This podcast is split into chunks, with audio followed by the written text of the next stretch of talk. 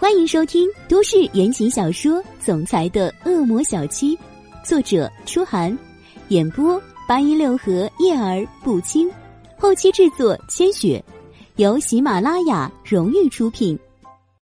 第四十一集，许小姐，你找我是不是还有哪里不舒服？他是许凌寒的医生，这么问很合适。许妈妈已经站了起来。瞧他那怒气升腾的样子，叶朵朵料定一番口舌免不了了。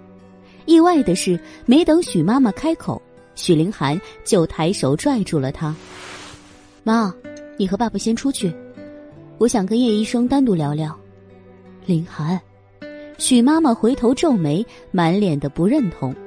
许凌寒却坚持道：“没事的，这是医院，没人会把我怎么样的。”这话说的好像他叶朵朵是个危险分子似的，都危险分子了，还找他来干什么？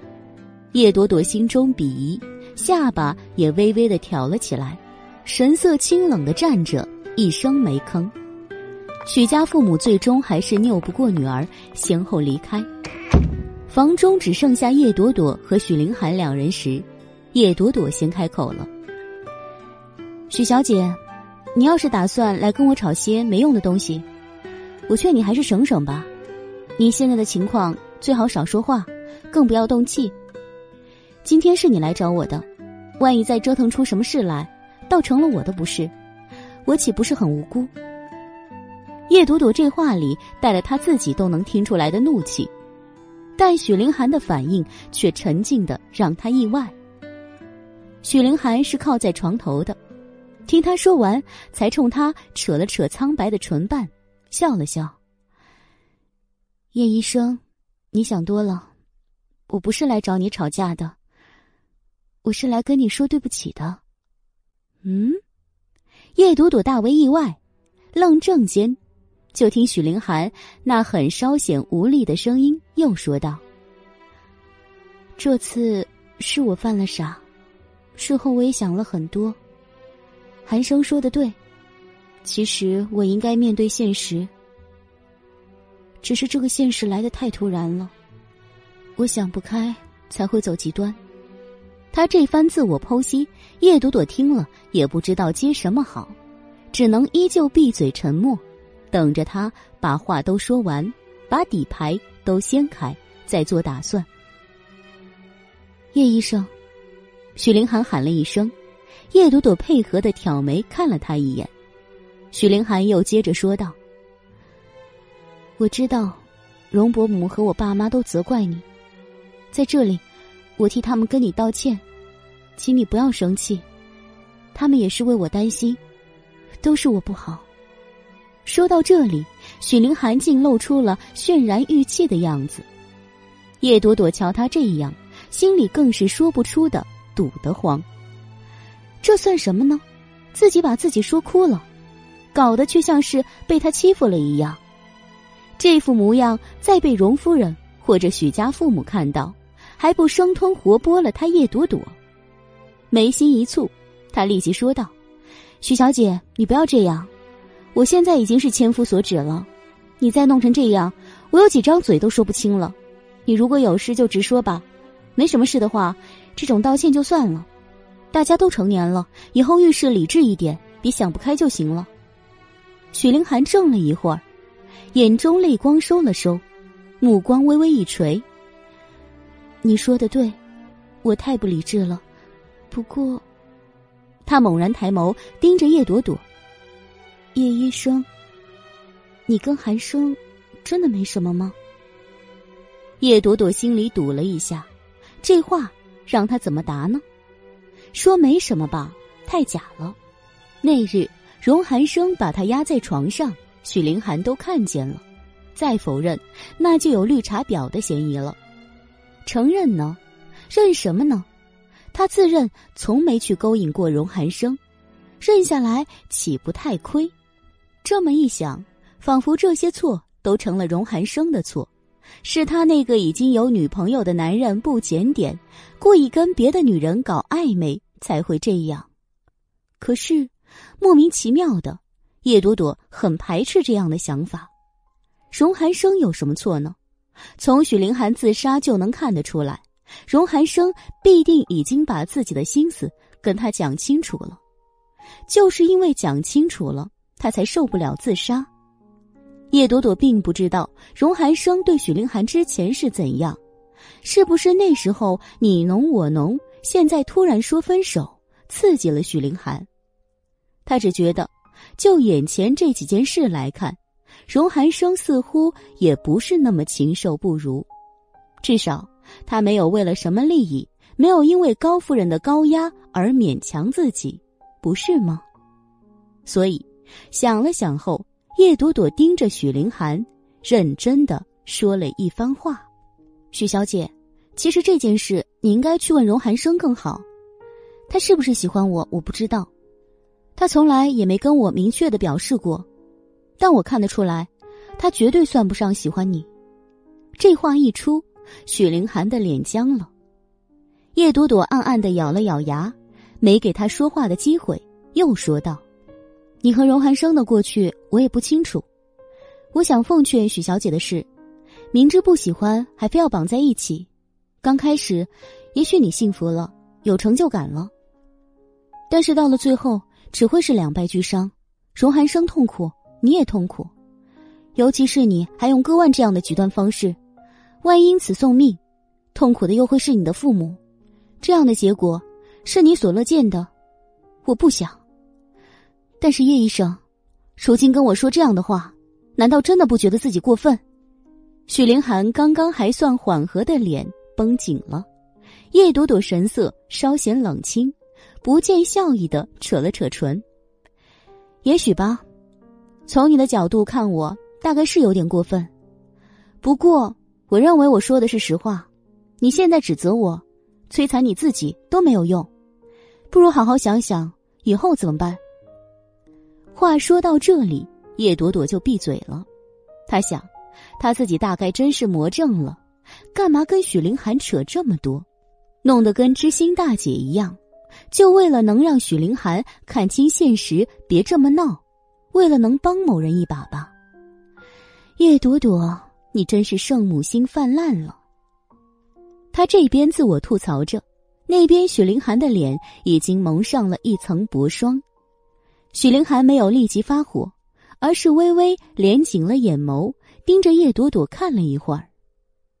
过了一会儿，他才讥诮的笑了笑：“也是，你说的没错，我就是再死皮赖脸的求着寒生，他也不会喜欢我，所以，我真的该好好想想以后了。”许凌寒目光微垂着，叶朵朵瞧着他的样子。心里想，他这话到底是不是发自内心的想开了？沉默间，许凌寒突然又挑起了目光看他。但是叶医生，你对我的伤害，我不能原谅。突然来了这句，叶朵朵有些意外，正想问他打算怎么不原谅，就见许凌寒伸手端起了床头的一杯牛奶。叶朵朵本能反应许凌寒要泼他，所以立即往后退了一步。站稳后，他才发现，他料错了许凌寒。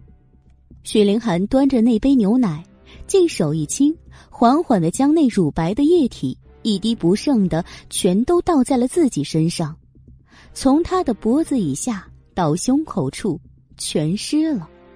接着，他便把手扬了起来。捏着杯子在空中停了几秒后，缓缓松开了手指。叶朵朵眼睁睁的看着那只玻璃杯掉在地上，完全无能为力。杯子落地，发出了“啪”的一声脆响。这一声响后，事情就按照叶朵朵的猜想发生了。门外并未走远的许家父母听到动静，立即就冲了进来。林寒。许妈妈一眼锁定女儿，心痛的喊了一声，奔了过去，站在床边，急得双手发抖。怎么了你？这是怎么了你？女儿身上被泼的牛奶，她看见了，可她害怕，除了这些可见的伤害之外，女儿身上还有其他的更可怕的伤害。毕竟，身为母亲，他实在是被这次割腕事件给吓怕了。妈，许凌寒的演技，叶朵朵现在到了跪服的地步。这才不到一分钟，她那眼里的泪就如同断了线的珠子滚了下来。他并没有多说什么，只用那泪眼盯着叶朵朵，那样子分明是无声的控诉。叶朵朵现在的无力感简直无法用语言来形容，说破了天，许家父母现在也不会听他任何解释，更不会相信他的解释，所以。他也只能闭嘴了。许爸爸一直脸色阴沉，听见女儿哭喊了一声“妈”之后，他才将严厉的目光扫向叶朵朵。一言未发，他直接走到门口，大喊了两声：“护士，护士！”小护士跑来，他便立即用上位者的语气吩咐道：“去把你们院长找来。”闻言，叶朵朵转身走了过去，冷眼的说道：“不用麻烦了。”我自己去。说完，他就大步朝院长办走去了。许爸爸并没有跟上来，只在他身后重重的冷哼了一声：“哼，太不像话了。”荣华医院的程院长跟袁木相熟，对叶朵朵算是很照顾。即便有了昨天的事，他也没多问半个字。今天见叶朵朵来，他的脸色也还是平和的。叶朵朵进来后也没有什么顾忌，直截了当的就将刚才的事情说了一遍，最后说道：“陈院，我知道你现在很为难，这样吧，我自己请求处分，你就当刚才的事真的是我做的，是我对病人无礼。等我做完今天下午的手术，就让我停职调查好了。”这，程院愣了一下，稀疏的眉头紧紧皱在一起。盯着叶朵朵看了一会儿，没有点评他刚才的意见，反而问了一声：“小叶啊，你平时也很随和的，怎么就得罪这位许小姐了？你可知道她父亲是位部长啊？”许爸爸具体是什么职位，叶朵朵不知，只知道他是高官。那么大的官，程院当然顶不住压力，所以今天这事儿，其实不管他做没做。只要许爸爸给了压力，他就得受着。谁让人家是座山，他就是只蚂蚁呢？正因为看透了本质，他才会主动跑来跟陈院坦白一切，又自请了处分。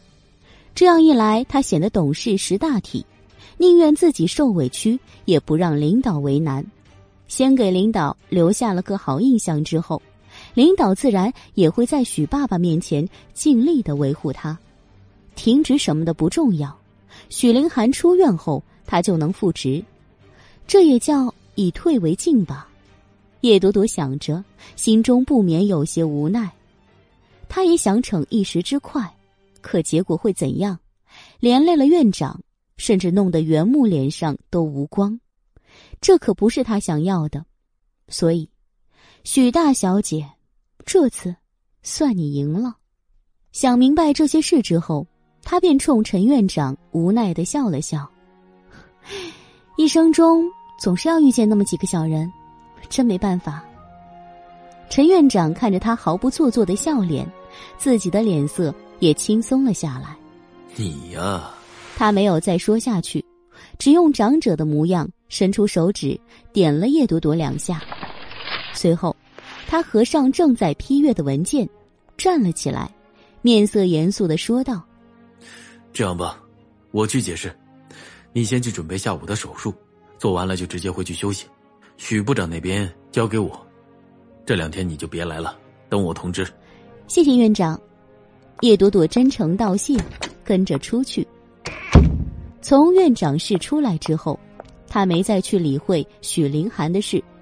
这事儿虽然让他心里不舒服，但他也不是那样受了一点委屈就要死要活的人。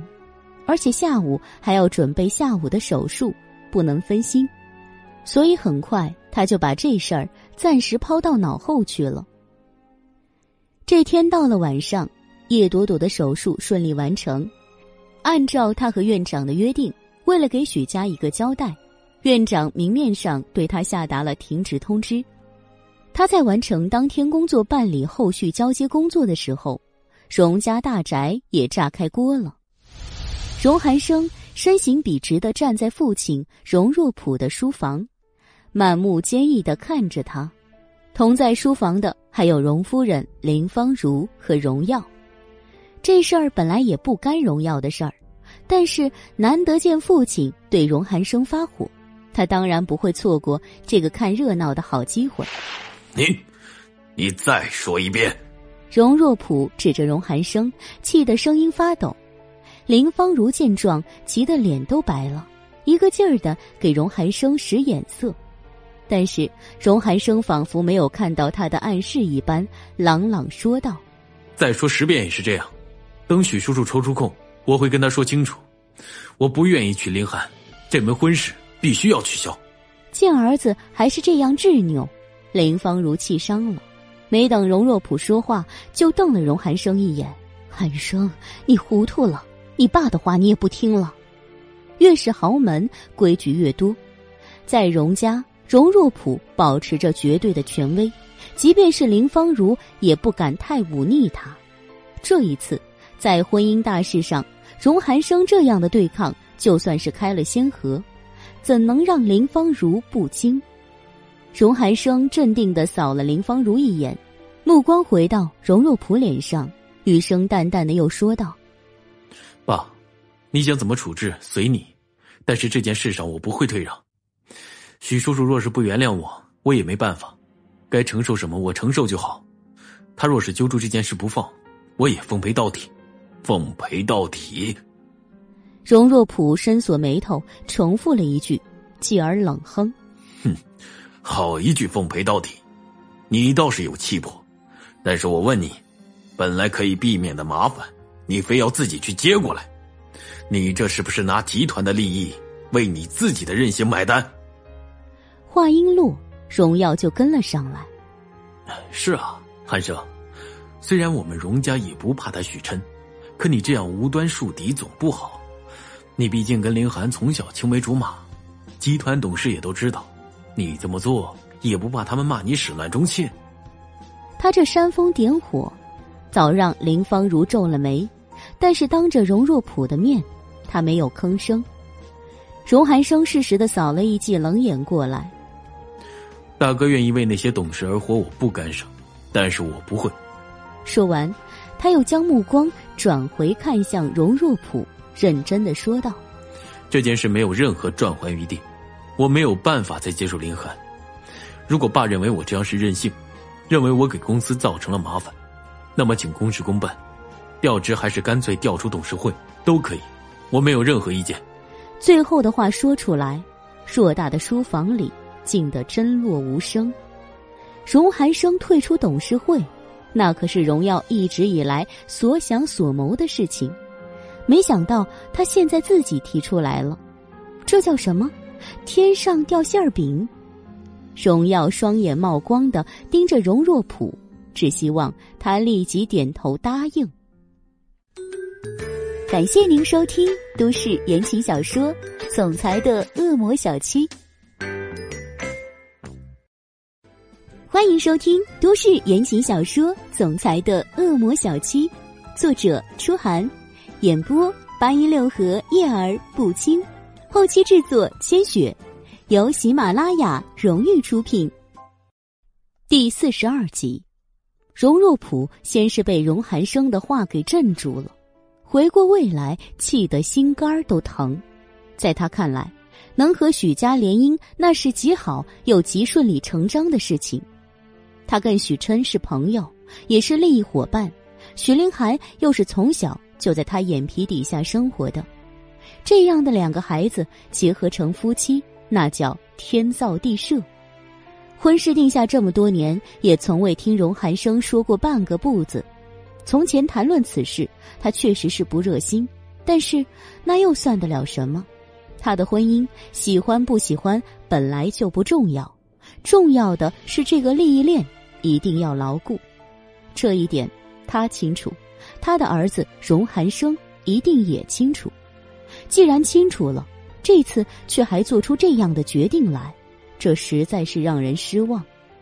荣若甫一双阴谋恨铁不成钢的瞪着荣寒生，几秒后，他突然吼出一句：“跪下！”林芳如身子一颤，张了张嘴想说什么，但是看着荣若甫铁青的脸，又怕越劝越糟糕，只能将话咽了下去。荣寒生没有多犹豫，清冷的目光盯着荣若甫看了一会儿后。他双膝一屈，真的就跪在了荣若甫面前。荣若甫冷哼一声，转身自书柜某处就抽了一根长约一米、宽两指的漆黑棍子来。荣耀看见，倒是先抽了一口凉气。荣家人对这根棍子都不陌生，不只是荣耀和荣寒生这对兄弟，甚至一些下人都挨过这根棍子的打。这就是荣家的家法，荣寒生和荣耀从小都没少挨打，也是这几年成人了，这家法挨的才少一点。没想到今天这黑漆漆的棍子又被荣若甫给抽出来了。林芳如深知这棍子的厉害，又见荣若普在盛怒中，生怕他手上没有节制，把荣寒生给打坏了，这才不得不开口劝阻。若普，寒生他不是有意顶撞你的，他刚刚那都是气话，你就别……你闭嘴！一向对林芳如还算温和的荣若普，罕见的对他说了重话。林芳如愣了一下，脸上僵硬。荣寒生心中不忍，抬头看了他一眼：“妈，你别说了，这是我的事，我应该自己负责。”你呀，你，怎么就这么固执？林芳如又是生气又是心疼，拿他没办法，只能暗暗叹气。荣若甫提着棍子，本来还有一丝期望，儿子能在关键时刻软下态度，跟他说几句软话，给他个台阶下，这事儿就算过去了。没想到棍子悬在头顶，他还是这般硬气。荣若甫的怒气被挑起，虎目狠光一闪。扬起棍子就朝着荣寒生的背部打了下去，木棍打在布料上，发出了一声闷响。林芳如心里一疼，手臂不由自主的伸了出去，僵在半空颤了颤。这样打了三下，荣若普突然停了。林芳如以为他打够了，却没想到，他对着跪在地上的荣寒生厉吼了一声：“衣服脱了！”这么打还不够。还要把衣服脱了，林芳如受不了，眼里已经湿了。若婆，差不多就行了。这是儿子，又不是仇人，你还非要把他打死？荣若甫怒然转向他：“我没他这个忤逆的儿子，今天就要打死这个不省心的东西。”话重重的砸在地上，目光转回，又瞪着荣寒生：“我再问你一遍。”去不去跟你许叔叔道歉？保证你以后会好好对林寒。不会。荣寒生脱了外套，跪得笔直，眉目硬朗如刀锋，丝毫不见柔和。荣若甫气着了，手心一攥，那棍子就劈头盖脸的打了下来。刚刚有厚实的外套抵挡着，棍子扫下来的疼痛感，荣寒生还不觉得什么。这下把外套除了。这一记重棍扫下来，真是骨头都疼。但即便如此，挨了几下之后，他依旧咬牙撑着，嘴里没有一句软话。林芳如起先不敢上去阻拦，见儿子挨了这么七八下之后，他就再也受不了了，当场就跟着荣寒生跪在了一起，双臂抱住他的肩膀，仰头含泪的看着荣若甫。你非要打死他的话，连我一起也打死吧！是我没有教育好他。儿子挨了这么多下，林芳如也是实在心疼坏了。但是荣若甫的怒气却没消，反之见林芳如如此护短，他更是生气，把你妈拉开！他转脸厉声吩咐荣耀。荣耀见荣寒生挨打，心里正高兴着。听了这话，立即过来，硬将林芳如给搀了起来。哎，妈，你放心，爸有分寸的，打不坏的。寒生也太……他摇头叹气，瞟向荣寒生那一眼里却满含了幸灾乐祸。林芳如被墙拉开，荣若甫盯着荣寒生冷哼：“你今天是不是死也不肯松口？”荣寒生沉默了几秒，清冷目光挑起，无畏的盯着荣若甫。我已经说过了，我不想跟林寒在一起，不会更改。好，好，你硬气。荣若甫气得发颤，心一狠，眼前什么都顾不上，唯有荣寒生一张倔强的脸越发的清晰。棍子风雷般扫下，荣寒生起初面色如常，一动不动，被打到后来，脸色也白了，双眉紧紧蹙起。眉宇间也凝上了痛苦之色。荣若甫这棍子打得极又狠，下手的时候好像丝毫没有考虑到被打的是他的亲儿子。书房里的气氛阴沉至极，林芳如被荣耀紧紧抓着，进不了前，最后心疼的哭了起来。荣若甫丝毫没有理会林芳如这哭声，依旧不要命的挥着棍子在荣寒生身上打。不知道挨了多少下，荣寒生也渐渐支持不住了，身形微微晃动了一下。林芳如终于还是挣开了荣耀的手，冲过来抱住了荣若甫的手臂。若甫，我求你了，别打了，我求你，你把他打死了，我怎么活？林芳如声泪俱下，荣寒生脸上那痛苦的表情就像一把刀。插在了他这个当妈的心里。自己的儿子自己清楚，要不是真的受不了了，这个时候的他连眉头都不会皱一下。现在这样，跪都跪不稳了，说明已经到了承受的极限，再打下去会出事儿的。为了儿子，他也顾不得什么了，抱着荣若甫的手臂，死活就是不松手。荣寒生本想安慰林芳如。岂料一开口，竟剧烈的咳了起来。林芳如见状，哭得更凶。荣若甫也愣了一下，阴谋连起，紧盯着荣寒生血色全无的脸。一丝理智尚存，他的手也松了，终于将那根棍子扔到了地上，重重的冷哼了一声：“哼，今天就先饶了你，你给我回去好好想想。”再这么执迷不悟，我也就没你这个不孝的儿子了。你给我滚！他伸手一指门口，林芳如立即转过来，将荣寒生拉起来。先回去，叫张医生过去看看伤的要不要紧，别的事以后再说。他也生气，可气归气，这时候了，还是儿子更要紧，所以他的态度也就软了下来。荣寒生站稳，身形依旧笔直不弯，安抚了林芳如一句后，就看向了荣若普。我没什么可想的，林寒我不去，许叔叔他们都在医院，我现在就过去跟他们说清楚。说完，他就甩开了林芳如的手，大步离开了。荣若普在他身后气得直哆嗦，却也拿他没办法。最后，只能将怒气转向林芳如。都是你惯的。林芳如知他在气头上，心里委屈，也没顶嘴，只说道：“你要生气，冲我来也行，别真把儿子打死了。寒生再不好，也是亲儿子。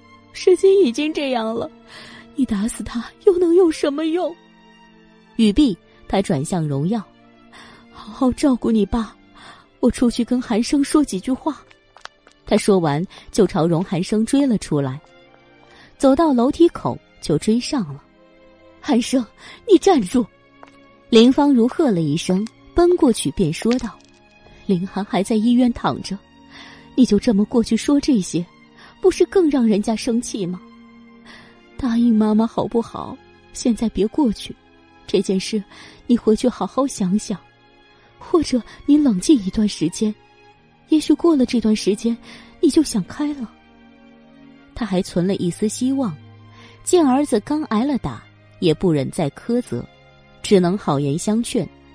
荣寒生本想重申自己的决定，话到嘴边又觉得多说无益，便只冷淡的说道：“妈，这事我知道该怎么做，你别跟着操心了。”说完，他再也没看林芳如殷切含泪的脸，转身就急匆匆的下楼去了。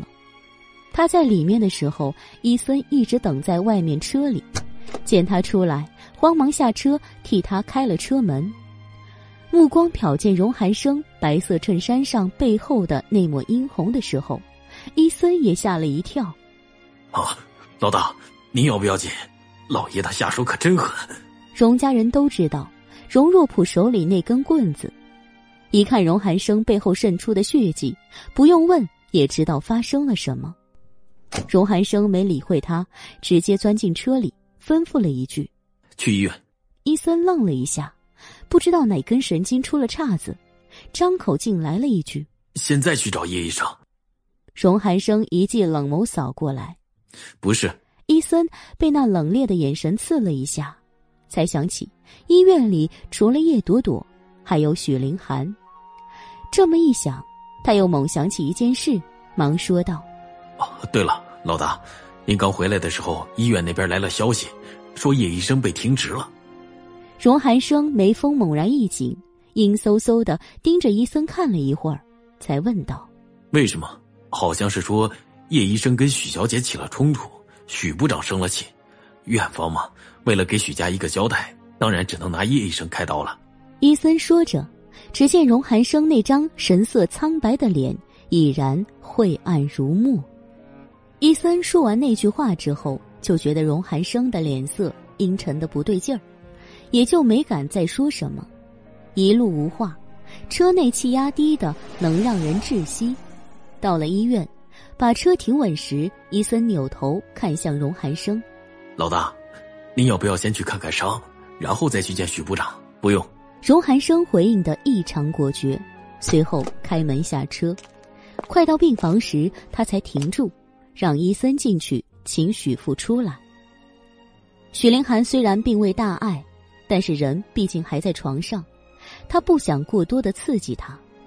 但这件事已经到了箭在弦上不得不发的地步。他今晚就要把话跟许父说清楚。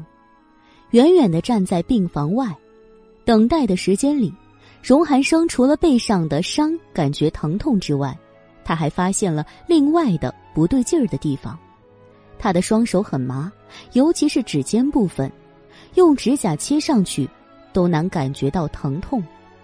荣寒生并不懂医，只是直觉告诉他，这不正常。但是现在他还顾不得这些，因为许琛已经出来了。许琛个子不高，官样却很足，是那种一眼看去就知道此人不一般的人。他本是一脸铁青的出来，见了荣寒生，更加面如青铁，阴冷异常。寒生，你现在单独来见我是想跟我说什么？如果是道歉的话，那就不用了。作为父亲。我需要的不是道歉。许琛满脸厉色，他们夫妻刚赶过来的时候也见了荣寒生，但那时候他们对情况还了解的不是很清楚。荣寒生也不是一般的毛脚女婿，可以随便斥责，所以那时候他们都很克制，虽有不悦，却没有发作。现在，许凌寒醒后也把大概的事情说了，夫妻俩才气不打一处来。正想着等女儿出院了，就找荣寒生好好算算账，没想到他先来了。许琛也算是看着荣寒生长大的，平日里对他也如亲子一样和颜悦色，像如今这种吝啬还是头一次。他以为荣寒生过来是要说对不起，是要赌咒发誓跟他保证以后会善待他的女儿。却没想到，荣寒生开口的话却是：“许叔叔，林寒的事情我有责任，我确实应该跟您和阿姨郑重的说声对不起。但是今晚，我过来不只是和您道歉，我要告诉您的是，我已经决定和林寒分手了，希望您和阿姨能谅解。”寒玉般的声音朗朗落下，许琛愣了好一会儿。对于女儿和荣寒生之间的事，他也从女儿嘴里听出了一些，但他其实并没有太把荣寒生那些分手的话当真。世家联姻，从小的婚约，分手岂是一句话的事情？再说，他荣寒生也不是傻子，其中利害辨不清楚，所以自始至终。他把这件事的性质定义在两个年轻人闹点小矛盾想不开的性质上，却没想到荣寒生会突然到他跟前来说这样的话。许琛盯着眼前这个身形俊挺、气势凌人的年轻人，除了震惊于他的决定之外，竟还隐隐有些欣赏他的魄力。毕竟，放弃这门婚事等于放弃什么？他们都心知肚明，但欣赏归欣赏，他还是不能原谅荣寒生这样的忤逆。这不只是伤了他女儿的心，也是驳了他的面子。许琛毕竟是许琛，官场经营了几十年，即便现在心中已是怒气翻天，他也没在脸上表露出分毫，他的脸色反倒比刚才还冷静了一些。你是认真的？他问了一遍，荣寒生心眸冷峻，未有犹豫。是，我是认真的，从开始对林寒说的时候就是认真的。许叔叔，您知道我的脾气，别的话我不愿多说。对于林寒，我会待她如妹妹。如果她想要什么补偿，只要我能给，我也会给。你和阿姨如果不能原谅，我也不强求。你想怎么样就怎么样吧，我承受便是。荣寒生说这话的时候，眼眸中没有半点躲闪，那目光甚至清亮的让人觉得刺目，不敢直视。许琛紧拧着眉头，沉默了。事实上，他从荣寒生说出第一句开始，就知道了这件事已经没有了转圜的余地，只不过这口气怎么咽得下去？许琛面容僵硬。冷冷盯着荣寒生，看了足有五分钟之久。这五分钟里，四目交锋，彼此都能感觉到对方身上那股破人的气势。五分钟之后，许琛开了口：“那好，既然如此，你和林寒的婚事便作罢。寒生，你好自为之。”他的身份在这里，不可能在这样的事情上死缠烂打。但他也给了个警告，警告荣寒生以后小心。这层意思，荣寒生当然听得出来，只不过他反应淡淡，最后只回了一句：“谢谢许叔叔谅解。”许琛没再多说一个字，冷哼一声后就转身回了病房。等他身影完全隐在病房里，荣寒生才转身朝外走，走了几步。他才抬起手臂，皱眉看了看自己的手。紧跟在身旁的伊森察觉到他脸上的不正常，忙问道：“老大，您怎么了？没什么，去找个医生看看。”荣寒生淡淡回应，手臂自然垂下，不再多言。转过走廊，他下意识的朝左边看了一眼。叶朵朵的办公室在那半边，不过现在这个时候，他不会在那里，因为。他被停职了，荣寒生一边低头想着叶朵朵被停职的事情，一边下了楼梯。病房就在四楼，他没有乘电梯。他们现在这个位置在住院部，要想去看伤，还要去门诊。荣家虽然有家庭医生，但人已经在医院了，他就不想再麻烦家庭医生了。走到住院部大楼门口的时候。荣寒生停住了，他的目光远远的落在了右前方，那是停车场，有人正在那停车，那车的颜色是红色的，火红的，就像某人脸上的笑一样，很有生机的颜色，让人过目难忘。感谢您收听都市言情小说《总裁的恶魔小七》。欢迎收听都市言情小说《总裁的恶魔小七》，作者：初寒，演播：八音六合叶儿不清，后期制作：千雪。由喜马拉雅荣誉出品。第四十三集，那不是叶小姐的车吗？真巧。伊森顺眼一看，很激动的喊了一声。荣寒生一直站在门口，叶朵朵一下车就看见了他。他本来在外面吃了饭，都快到家了，临时又想起还有东西在办公室没拿，这才折返回来。没想到遇见了荣寒生，愣怔了两秒，叶朵朵才朝这边走过来。到了跟前，他扬起笑脸，冲荣寒生打了个招呼：“真巧，怎么放心不下许小姐，特地来看看？”“不是。”荣寒生不犹豫的否定了他的话。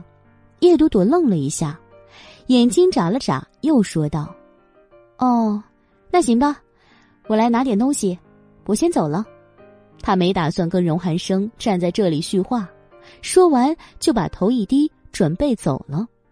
还没抬步，荣寒生又开口了：“你被停职了？”“啊，是啊，你消息还挺快的。”他依旧笑着，一副毫不在意的样子。荣寒生皱了皱眉。沉思了片刻，说道：“等林寒出院，我帮你跟院长求情。”嗯，这么好心。他轻蹙着眉间，有些怀疑的盯着荣寒生看。这时候，荣寒生却浅浅的勾唇，讥诮的笑了笑：“是不是很感动？”如果说刚刚那一瞬间，叶朵朵确实有那么一点感动的话，此刻那点感动也烟消云散了。哼，没有。这是你做了坏事，良心发现，我懂。叶朵朵毫不客气的回了一句。荣寒生微微的低下头，俊逸出尘的脸低低的悬在叶朵朵的脑袋上，一口热气呼出。他笑问：“ 我对你做了什么坏事？”碰到他那双闪烁的眼眸，叶朵朵那小心肝儿就扑通了一声，他忍不住脸上发烫。不想被荣寒生看见他的窘状，又立即抬步往前迈了一步，避开了他的脸。做什么坏事你自己清楚，我走了，你自便。荣先生现在麻烦缠生，还是别和我瓜田李下的好。叶朵朵讥诮的哼了一声，微微的侧脸看了一下。他此时站在荣寒生的侧后方，这一侧目就瞥见了他背后的殷红血迹。经过了这么长时间，那片红早已经扩成了一大块。叶朵朵心惊，立即瞪大眼睛，紧紧盯着那片红。你的背怎么了？受伤了？他的焦急惊愕毫无掩饰。荣寒生怔了一下，稍稍侧身，目光深邃。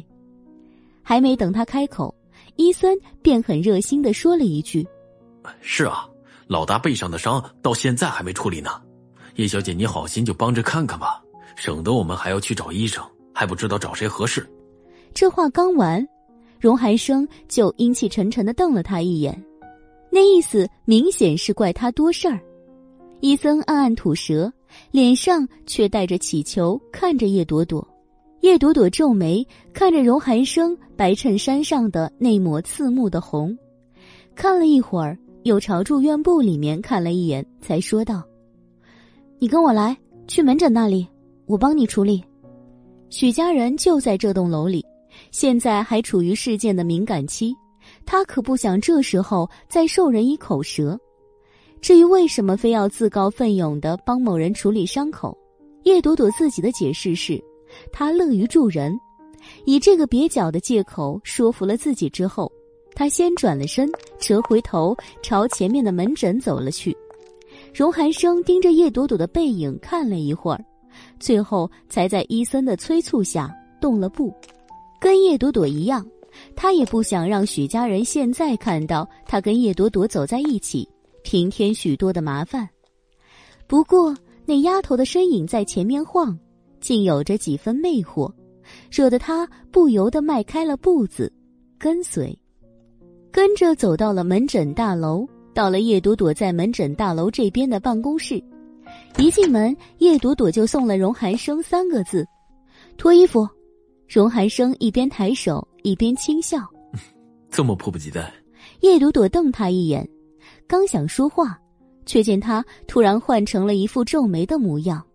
于是到嘴边的反击又成了询问：“你又怎么了？”荣寒生的手指已经碰到了那枚做工精致的纽扣，微微用力想解开纽扣，却发现指尖麻木的，根本用不上力。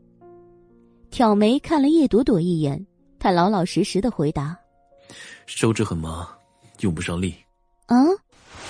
叶朵朵愣了一下，随手就抓起了他的手捏了捏。什么程度的麻？你到底伤在哪儿了？荣寒生的目光落在叶朵朵细白的小手上，停了两秒，才说道：“背上。”叶朵朵皱了皱眉，松开手，手臂没有放下，直接扬起指尖捏住了他的纽扣。他解着扣子，荣寒生的目光也随着他的指尖轻轻波动。你倒是很熟练，以前帮别人解过。反正以前没帮他解过。荣寒生的话有点酸溜溜的。叶朵朵写到第三粒纽扣的时候，抬头看了他一眼：“我是医生，麻烦你思想干净一点。”医生也有七情六欲，你敢说你现在心不慌，脸不红？他抬了手，用那根发麻的食指戳了戳叶朵朵那饱满又泛着微红的苹果肌。荣寒生的手指是什么感觉？叶朵朵不知道。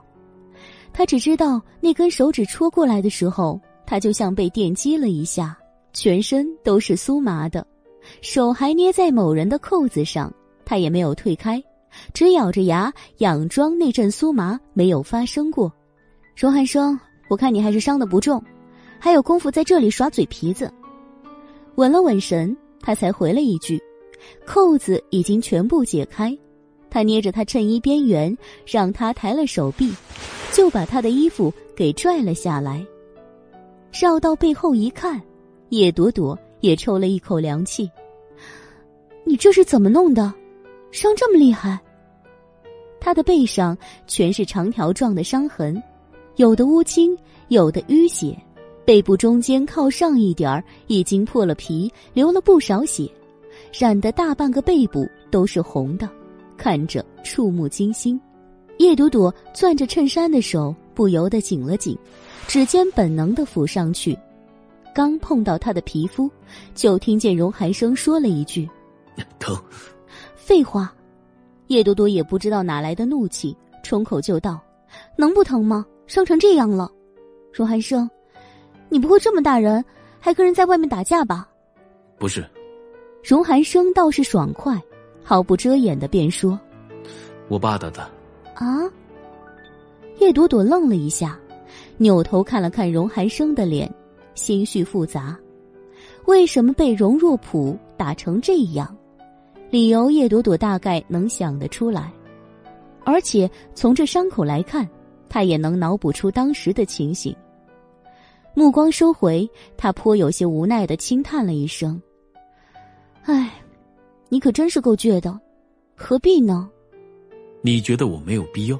荣寒生突然提问，语声清冷如冰，听的人透心的凉。叶朵朵转身，将他的衬衫扔在了自己的办公桌上，随手一指墙角的那张单人床，趴上去，我给你清理伤口。他命令着，哪知荣寒生却不从，而是站得笔直，目光灼灼的盯着他。还没回答我的话，你的话。叶朵朵反问了一声，撇了撇嘴：“有没有必要？你自己去感觉就好，跟我没什么关系。我只是觉得你这么跟父母硬拼，不是什么高明的手段。瞧，都伤成这样了，难道不吃亏？”这种言论，还真像是他说出来的。荣寒生觉得好笑，阴沉的脸上瞬间荡开一抹霁色。你对谁都这么投机取巧。那不然呢？我那么娇小，跟谁拼我也拼不过呀！叶朵朵朝他不以为然的翻了个白眼，随手就将他给推到了那张床边，趴上去，别墨迹了。对了，你刚刚说手麻是吗？等下去拍个片子，可能伤到脊椎了，压迫了神经，这个搞不好很严重，不要大意。絮絮叨叨的说完。他就准备去取东西来给荣寒生处理伤口，没想到刚一转身，那个才趴上枕床的男人又不安分的伸手拉住了他。你很担心我。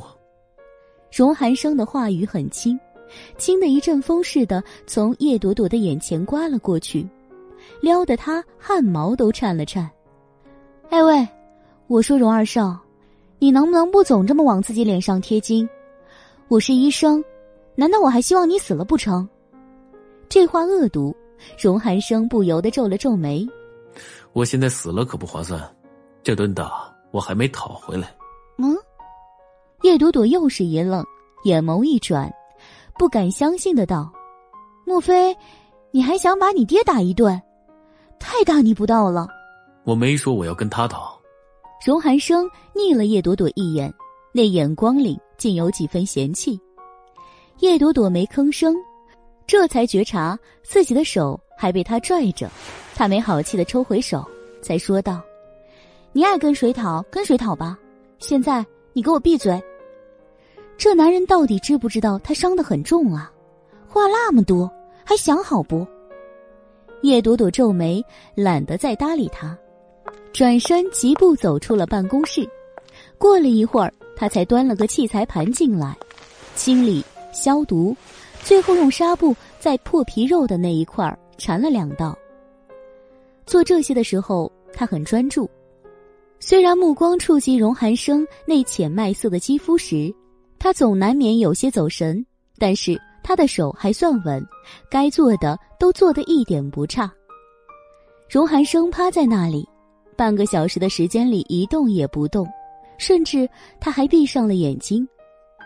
时间在这间二十平左右的房间里缓缓流淌着，叶朵朵做的自然娴熟，荣寒生也受之坦然，两人都没有觉得任何的不适。伤口处理好。叶朵朵才让荣寒生起来替他穿了衣服，然后领着他去拍了 X 光片。拿到片子看了看，叶朵朵的脸上也多了一抹暗色。你爸可真够狠的，骨头都快移位了，再多两下，你这脊椎骨就要断了，下半生就躺在床上吧。他的话里带着莫名的怒气，话里的意思又听得人胆战心惊。伊森脸白了白，张口便问了一句：“叶小姐，你说的这么恐怖，那老大现在要不要紧啊？”“要紧，当然要紧了。”叶朵朵那怒气没地方发泄，正好冲着伊森来了。伤了骨头，压迫了神经，还不要紧吗？出院吧，从现在起躺床上，哪也别去。他知道伊森做不了荣寒生的主，所以这么说完，又看向了荣寒生。别以为我是吓唬你，你现在的情况真的很严重，恢复不好可能会留下后遗症，所以你最好乖乖的听我的话，住院治疗。当然了，我可以安排其他医生负责你，你不用担心会有什么麻烦，一切以治病为主。OK？叶朵朵在说这番话的时候，表情绝对是专业认真，不掺杂丝毫个人感情的。这样，她的小脸上似乎多了一层淡淡光滑，让人更加不舍侧目。只不过，荣寒生听了他的话，却微微的皱了眉。为什么要其他人？他一问，叶朵朵愣了一下。这不是明知故问吗？避嫌啊，亲！没等他吐槽，荣寒生又来了一句：“你怕了？”我怕。叶朵朵瞪大了水眸，盯着荣寒生看了一会儿。又眨了眨眼，也对，我好像是有点怕。你那位未婚妻用一杯牛奶就让我停了职，我哪还敢在你身边转悠？闻言，荣寒生眉间沟壑聚起。她已经不是我未婚妻了，而且这种情况以后不会发生。哪种情况？许凌寒欺负他那种情况吗？他这是打算做他的保护伞了。叶朵朵笑了笑，我不知道能不能信你，反正我只觉得男人说这种话很苍白。你荣寒生就是有天大的本事，也不能一天二十四小时跟着我保护我，所以指望你大概指望不上。我还是自己管自己吧，我不想惹事，所以你请别人来护理你。这话甩出，荣寒生那眼中立即就折射出了五彩潋滟的波光，各种颜色都有，意味复杂的让人难辨。过了一会儿，他才突然讥讽的笑了笑：“哼，叶朵朵，你还真会自欺欺人，不想惹事。你以为你能躲掉？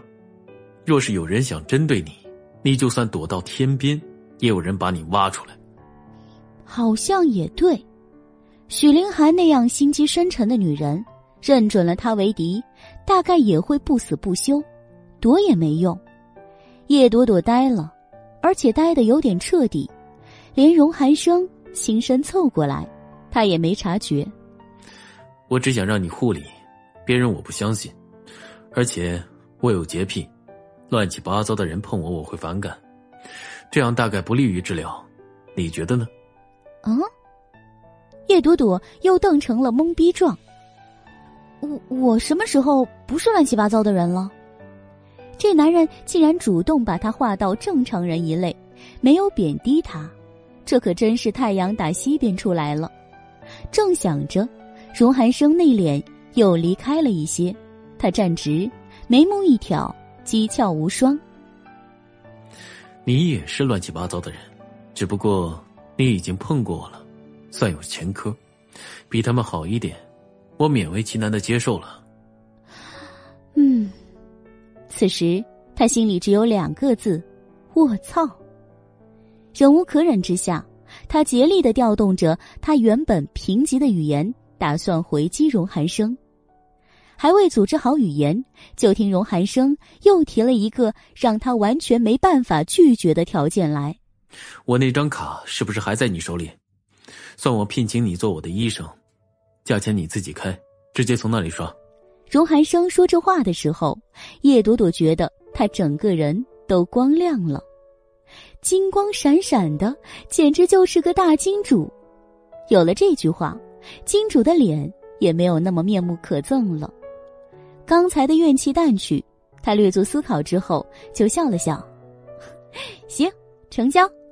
不过你得答应我。”我只负责给你治病，要是因此惹麻烦，你要帮我善后。必须的。荣寒生笑了笑，眉眼微弯，清俊的脸上多了几分暖意。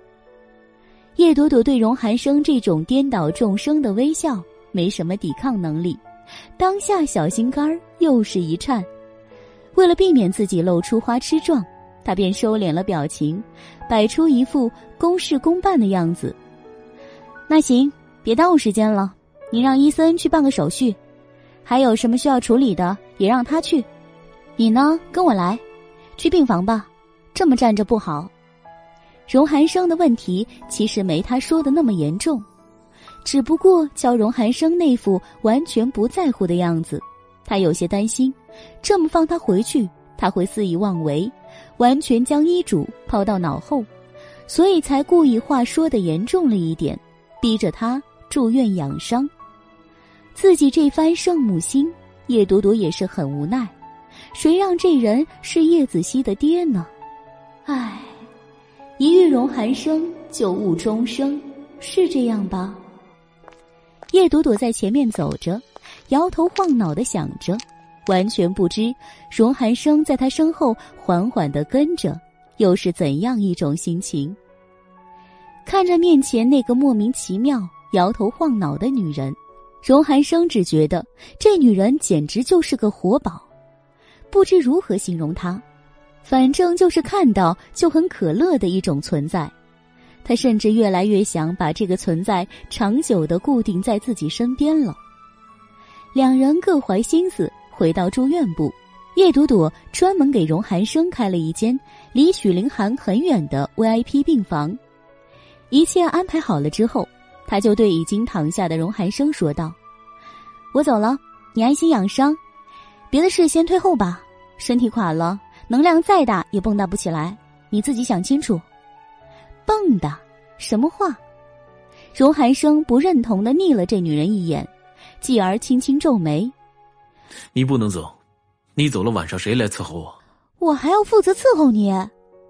叶朵朵惊讶瞪眼，荣寒生。薄唇撇了撇，那是当然。我现在全身都痛，尤其是脊椎那里。我想我应该是行动不便的。那么你不伺候我，谁来伺候？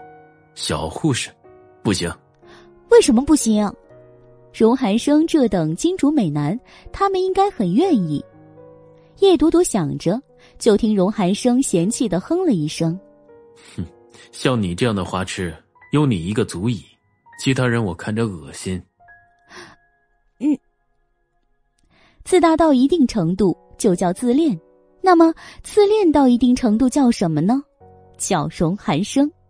不过，他好像也没说错，自己有时候确实控制不住对他那副皮囊犯点花痴。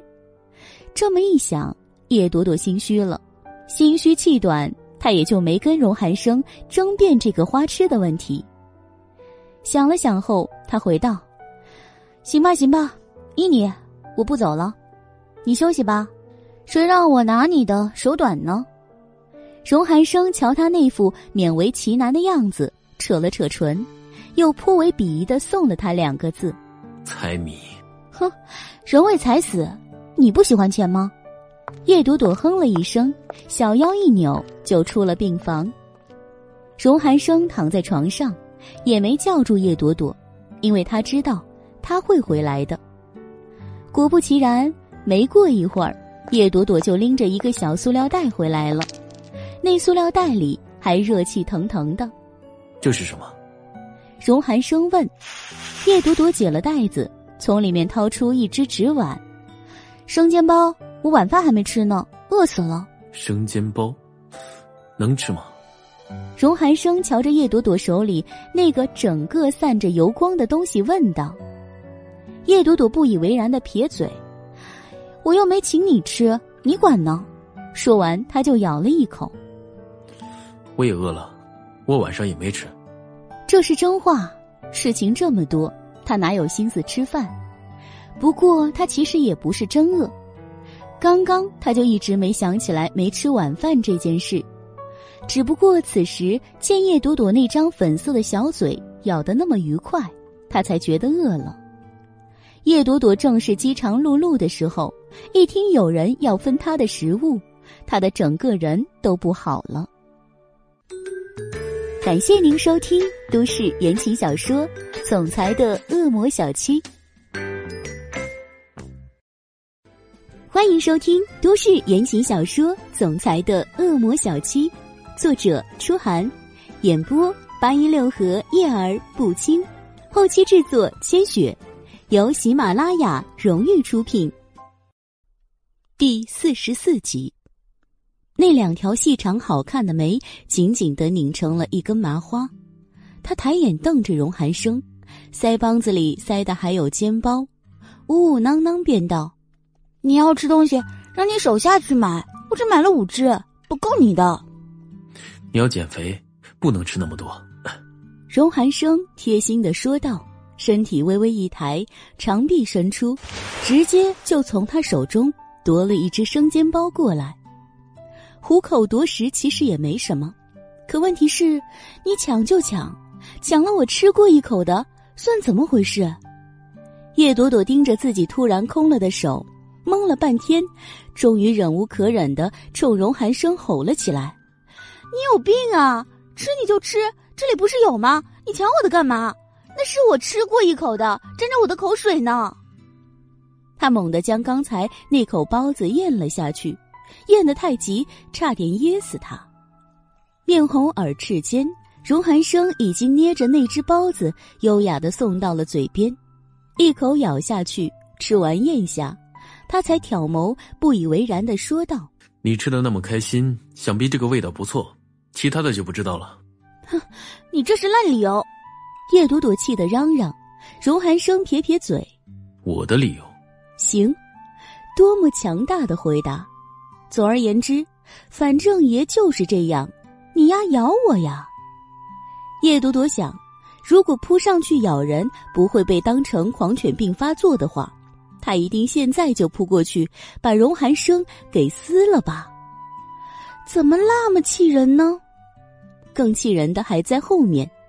荣寒生刚开始是一脸嫌弃的对着他，一副生怕他买的平民食物吃坏了他尊贵的胃一样。现在好了，一小只两口搞定，趁着他生气的功夫，他又解决了两个，魔爪都伸向第四只了，总共才五只好吗？哎，你给我一个！回过神来的叶朵朵飞快的伸手，一把将床头柜上那只纸碗给拽了回来。遗憾的是，那里面就剩下一个了，完全不够塞牙缝的。他气恼的瞪着荣寒生，荣寒生却心满意足的吃了四只之后，抽了纸巾擦了擦嘴。太油腻，你口味真重。他沈笑。叶朵朵气得伸了根手指指着他：“荣寒生，你，你就跟你……”话到这里，他蓦然一惊：“跟我什么？”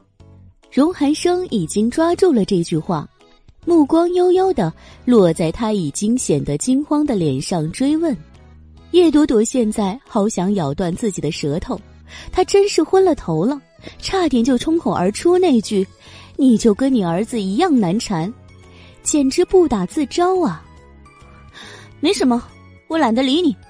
没吃饱，我出去吃点东西。他转身，急匆匆的走了出去。荣寒生看着风一样闪出去的人影，无奈的笑了笑。背上很疼，指尖的麻木感也没好多少。不过吃了几只生煎之后，他现在的心情倒是不错的。躺下，闭上眼。这一夜的后半夜，他安稳的像个正常的病人。叶朵朵在出去大吃了一顿之后，又转了回来，但他也没有在病房陪床，而是待在了这个楼层的值班室。荣寒生那里有伊森，夜里有什么事再叫他也不迟，他可没必要守他一夜，还是睡觉要紧。值班室里没有床，他只能趴在座位上睡。刚刚趴下去，眼闭上还没睡熟，走廊上就响起了一阵嘈杂声。在哪儿呢？是林芳如的声音。显然，他已经得到消息赶来了。叶朵朵听见他的声音，就条件反射似的站了起来。但站起来后，他僵直的站了一会儿，又坐了下去。荣寒生既然一定要他担任主治医生。他大概就会处理好这些关系，他还是别去自找麻烦了。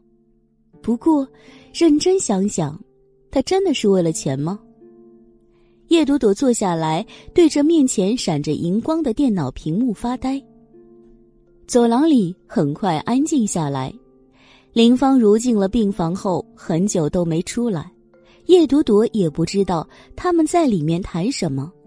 总之，等过了将近一个小时后，病房那边才传出声音来：“好好照顾寒生，有什么事再给我打电话。”这是林芳如的声音，语气很平淡，只有担忧，并无不悦。伊森应了一声后，他也没再说什么，就走了。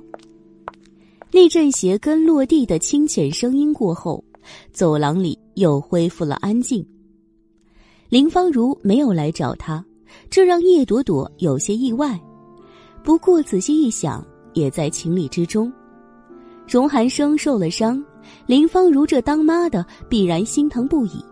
她就算有再大的怒气，也不会这时候跟儿子争执。所以，叶朵朵想，这几天他应该不会来找自己的麻烦。自己可以安心的给荣寒生看病了，闹了这么一阵，他的瞌睡也跑光了。这一夜直到后半夜，他才迷迷糊糊的趴了一会儿。第二天，给荣寒生做过治疗之后，叶朵朵就去找了院长。情况说明，院长见有荣寒生自己在这里，自然也没说什么，也就默许了他停职期间还留在医院。照顾病人，荣寒生卧床，他也基本留在这个楼层，没去别的地方，所以接连几天他也没有碰见许家人，双方也算是相安无事。快一周时间过去，他才从别的医生那里听说许凌寒出院了。这个消息对叶朵朵来说算是个好消息，因为院长跟他说了，再过几天就让他复职。不过，还没等到他复职，他的另一个麻烦就找上了门。叶青言来的时候，本是怒气冲冲的来找叶朵朵算账的，但是冲到叶朵朵办公室门口，却没发现他人。只看到两个小护士靠在办公室外分诊台那里聊天。现在正是正中午，走廊上稀疏来往着一些候诊的人。叶青言戴着墨镜走过去的时候，也没人多留意他。走到分诊台近前，他正想转过去直奔办公室的时候，一个小护士的话轻飘飘的落进了他的耳朵里：“哎，你听说了吗？”就今天刚刚出院那个，就是因为咱们叶主任才弄成那样的。哎，你才知道。另一个护士略显鄙夷的睨了他一眼。我跟你说呀，可靠消息，那位是荣少的未婚妻，叶主任是第三者插足。荣少，荣家那位，不会吧？叶主任可不像这样的人。有什么会不会的？那荣少你见过吗？绝对的美男，又那么有钱，哥你，你能不动心？那位想了想，嬉笑了一声，哼，那倒是，哥我我也扑上去，还是叶主任命好，人家怎么就看上他了呢？话也别这么说，叶主任人也不差呀，我看着就比割腕的那什么许小姐好，人长得比她漂亮，又是著名的医生。那位有什么呀？有个有钱有势的爹而已。我要是男人，我也喜欢叶主任。那些花瓶顶什么用？那你刚刚还说人家第三者插足？听话的那位嫌弃的瞥了一眼。说话的那护士轻巧的哼了一声：“ 我就事论事呀。再说，这也不是我说的，医院里私下都传开了。要我说呀。”叶主任是运气不好，要是早遇上那位荣少嘛，估计就没那位许小姐什么事了。瞧你说的，好像那位荣少真的很喜欢叶主任一样，喜欢一定喜欢的。这几天他们不都在住院部那边猫着吗？要是不喜欢，能在这风口浪尖上还非要腻歪在一起？两人头低在一处，叽叽喳喳的，开心的聊着。反正叶朵朵也不在这里，他们似乎没什么避讳，只是没想到，这话却一字没落的进了叶青言的耳朵里。叶青言站在门口愣了一下，朝里面瞄了一眼，见房间里确实是空的，后又朝旁边让开了一些。荣少、许大小姐、叶朵朵，看来这三人之间这几天倒是很热闹。自己可真是错过了一场好戏，叶青言想着，不由得就牵起了唇角，阴森森的笑了起来。但这笑还未完全延伸开，他的脸又立即阴冷了下来。他现在还没时间理会这件事，他要立即找到叶朵朵算另外一件事的账。住院部，叶青言立即扭头离开，朝住院部奔去。到了住院部，问清叶朵朵所在位置之后，叶青言就一阵风似的卷了过去。叶朵朵正在看荣寒生今天刚刚出来的检查单据，叶青言就冲到了他面前。叶朵朵，乍然这一声喊，把正聚精会神的叶朵朵给吓了一跳，定神看去，才知道是叶青言。姐姐，你怎么来了？脸上的伤好了，来感激我，那就不用了，这是应该的。叶朵朵放下了手里的单据，微笑的看着叶青言。叶青言一把抓下了墨镜，瞪眼看着叶朵朵，指着自己的脸低吼道：“我感激你，你自己看看，这叫好了。叶朵朵，你是不是诚心害我？”顺着他的指尖看去。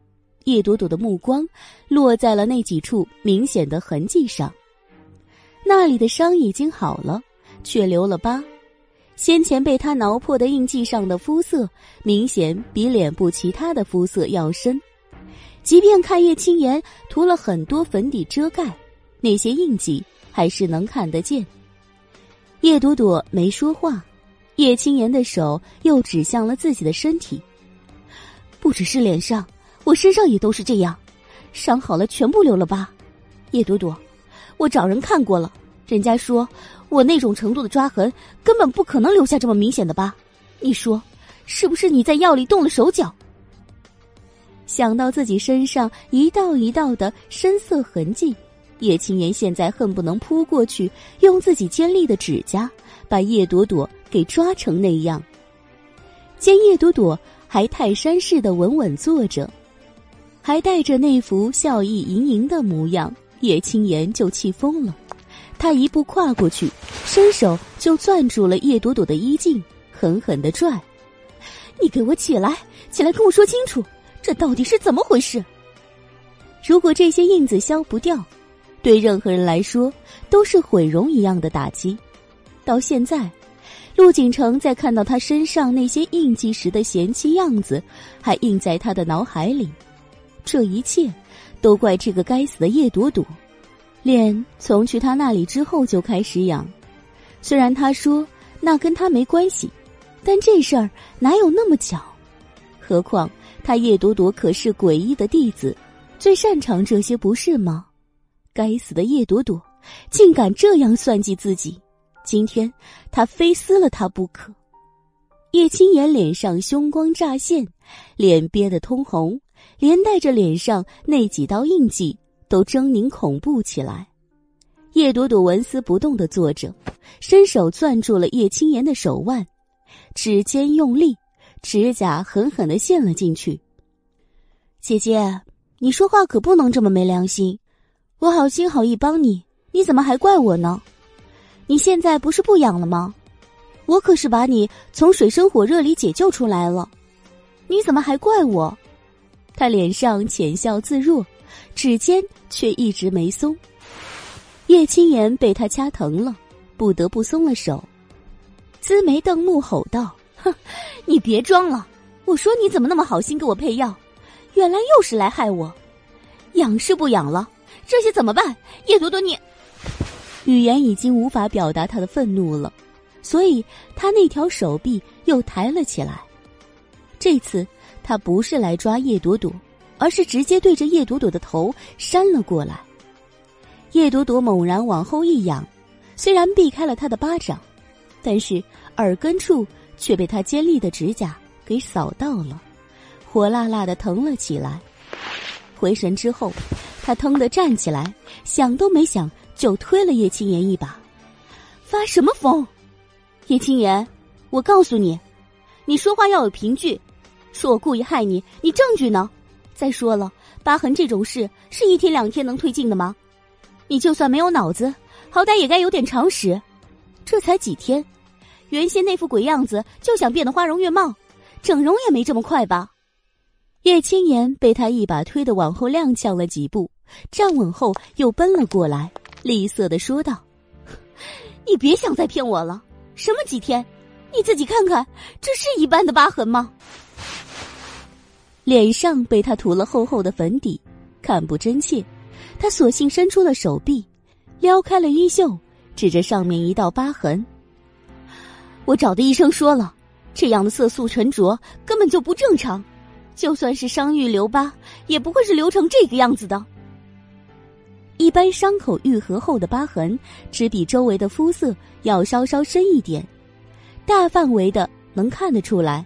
一小道伤痕，有时候可以忽略不计，但是叶青言手上这个不是，他这个虽然面积长度都没多大，但是很明显，那就是浅褐色，一眼看去就能清楚的看见。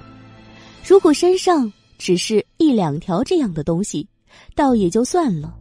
试想一下，全身都是这样，那看着该有多恐怖！想到镜子前的自己，叶青言都打了个哆嗦，放下衣袖，他那眼里喷出的怒火能把叶朵朵给烧死。但是叶朵朵却丝毫不为所动，只拿眼睛轻轻的瞄了那一下，就讥诮的勾了唇。你找的人那么厉害，你找他去看好了，何必来找我？他轻飘飘的一句，又把叶青言给气着了。那人要是能看好，他起码得先治好了，再来找叶朵朵算账。不就是因为看不好，他才这么崩溃吗？可这该死的丫头，居然还在嘲笑他，害了他还这么嘲笑，真是是可忍，孰不可忍？好，你个叶朵朵，你嘴硬是不是？好，我让你嘴硬。叶青言话都没说完，突然就从大衣的口袋里掏出了一把小弹簧刀来，这是他来之前刻意准备好的。他想好了，叶朵朵害他毁了容，他也要用这把小刀把叶朵朵那张娇俏的小脸蛋儿给划花了。叶青言现在是怒火上头，理智全无，根本没有多考虑，只想着要让叶朵朵变得跟他一样难看，所以那刀尖弹出，挥下来的时候，他可是半点犹豫都没有。情势突然急转直下，叶朵朵这才吓慌了神。这刀的大小虽然难以致命，可要是真划到脸上，那肯定也是血淋淋的一大道口子呀！本能反应，在刀尖银光闪过来的时候，他就抬手捂住了脸，同时急速的往后退。霎时间，叶朵朵就觉得右手中指和无名指尖上一阵尖锐的疼。叶青言敢在医院拿刀划他，这是他完全没想到的。所以他没有避开这一刀，推开后，叶朵朵没有时间心疼他的手，手一松，目光飞快一瞟，就从桌边抄起了一只水杯，对着已经成了疯癫状态的叶青言砸了过来。他是随手一扔的，并没有什么准头，但这一下还是砸中了叶青言的肩膀。叶青言被砸后，本能的往旁边闪了一下。那不锈钢的保温杯落在地上，砸出巨大的一声闷响。跟这个响声同时响起的，还有一个声音：“叶心言，你给我住手！”陆景城如从天降，站在门口，怒目凶神恶煞般的瞪着叶青言。感谢您收听都市言情小说《总裁的恶魔小七》。欢迎收听都市言情小说《总裁的恶魔小七》，作者：初寒，演播：八音六合叶儿不清，后期制作：千雪，由喜马拉雅荣誉出品。第四十五集，叶朵朵虽然也厌恶陆景城，但是这个时候有人来解救他，倒也是好事。陆景城冲进来时，他就松了一口气。但未免叶青言那刀在风一样的划过来，他还是伸手拽了自己刚才坐的椅子，挡在跟前，以备不时之需。叶青言，你在干什么？陆景城没看到叶朵朵手上那道触目惊心的伤口，他只看到了叶青言手里的刀，就吼了起来。瞬间，他就冲过来，一把攥住了叶青言的手腕，将他手里的刀给夺了，丢在地上。你在家发疯还不够，还找到朵朵这里来。叶青言，你现在怎么变得跟疯子一样？陆景城满脸的嫌恶，夺了刀之后就松了叶青言的手，仿佛一点都不想多触碰他。叶青言手腕被他撇得生疼，又见他这样一副袒护叶朵朵、嫌恶自己的样子，顿时委屈上头，失控的吼了起来：“你说我跟疯子一样？”那你怎么不问我为什么这样了，陆景城？你是我丈夫，为什么老偏向叶朵朵？她现在是你的小姨子，你还要脸吗？叶青言脸上那几道猫胡子似的疤，本来用粉底盖的已经不那么明显了，但现在一发怒，那痕迹就明显了，样子除了难看，还有一点可笑。陆景城轻蔑的瞥了一眼他脸上的胡子。回头又看了叶朵朵一眼，一句话还没说，他就看见了叶朵朵手上的伤，瞬间他皱起了眉，心疼的奔了过来。朵朵，你的手。他本来想伸手捉住叶朵朵的小手，无奈他面前有只碍事的椅子挡着，他进不了前，只能焦急的站在椅子这边。叶朵朵看了自己那只鲜血淋漓的手一眼，确定叶青言不会再有刀来划他的时候，才探身从桌上拽了几张纸巾捂住。没事，不过我建议姐姐去寺院看看。寺院是滨海的精神病医院。叶朵朵语声冰冷，厌恶和冷漠都毫不掩饰。都动刀子了，还掩饰个毛？陆景城盯着叶朵朵的手看了几秒，转身突然两个箭步过来，挥手对着叶青言的脸就扇了一记响亮的耳光。你这个贱人，为什么这样伤害朵朵？闻言，叶青言还没怎么样，叶朵朵先受不了了。她听见“伤害”两个字，胃里就开始翻腾。论伤害，他给的伤害比叶青言少吗？都说初恋。是一种可以改变人三观的存在，现在他的三观就被眼前这个初恋改变了。这么多年追他叶朵朵的男人不止一个，加强连，然而他一个也没看上过。不是说他真的清心寡欲，而是就算有能入眼的男人，只要一想到感情二字，他就止步了。感情一旦付出，能成正果还好，否则。那就是抽筋剥骨的疼痛。说句懦弱的话，他怕了，再也不想尝试了。想到这里，叶朵朵的目光又冷了几分，直勾勾的盯在陆景成脸上，看看他怎样在他这个被劈腿前女友的面前表现他的忠心。叶青言被打了一巴掌，先是愣了一下，回过神来，便冲陆景成吼上了。你又打我！为了这个女人，你已经第二次打我了，陆景成，我和你拼了！论怨妇是怎么炼成的，叶青言最是深知。他正式入住叶家，成为叶明媛女儿的时候，刚刚十岁。那时候，梁芬就告诉他，一定要学出大家闺秀的样子来。从那时候起，他处处都用大家闺秀的标准来要求自己。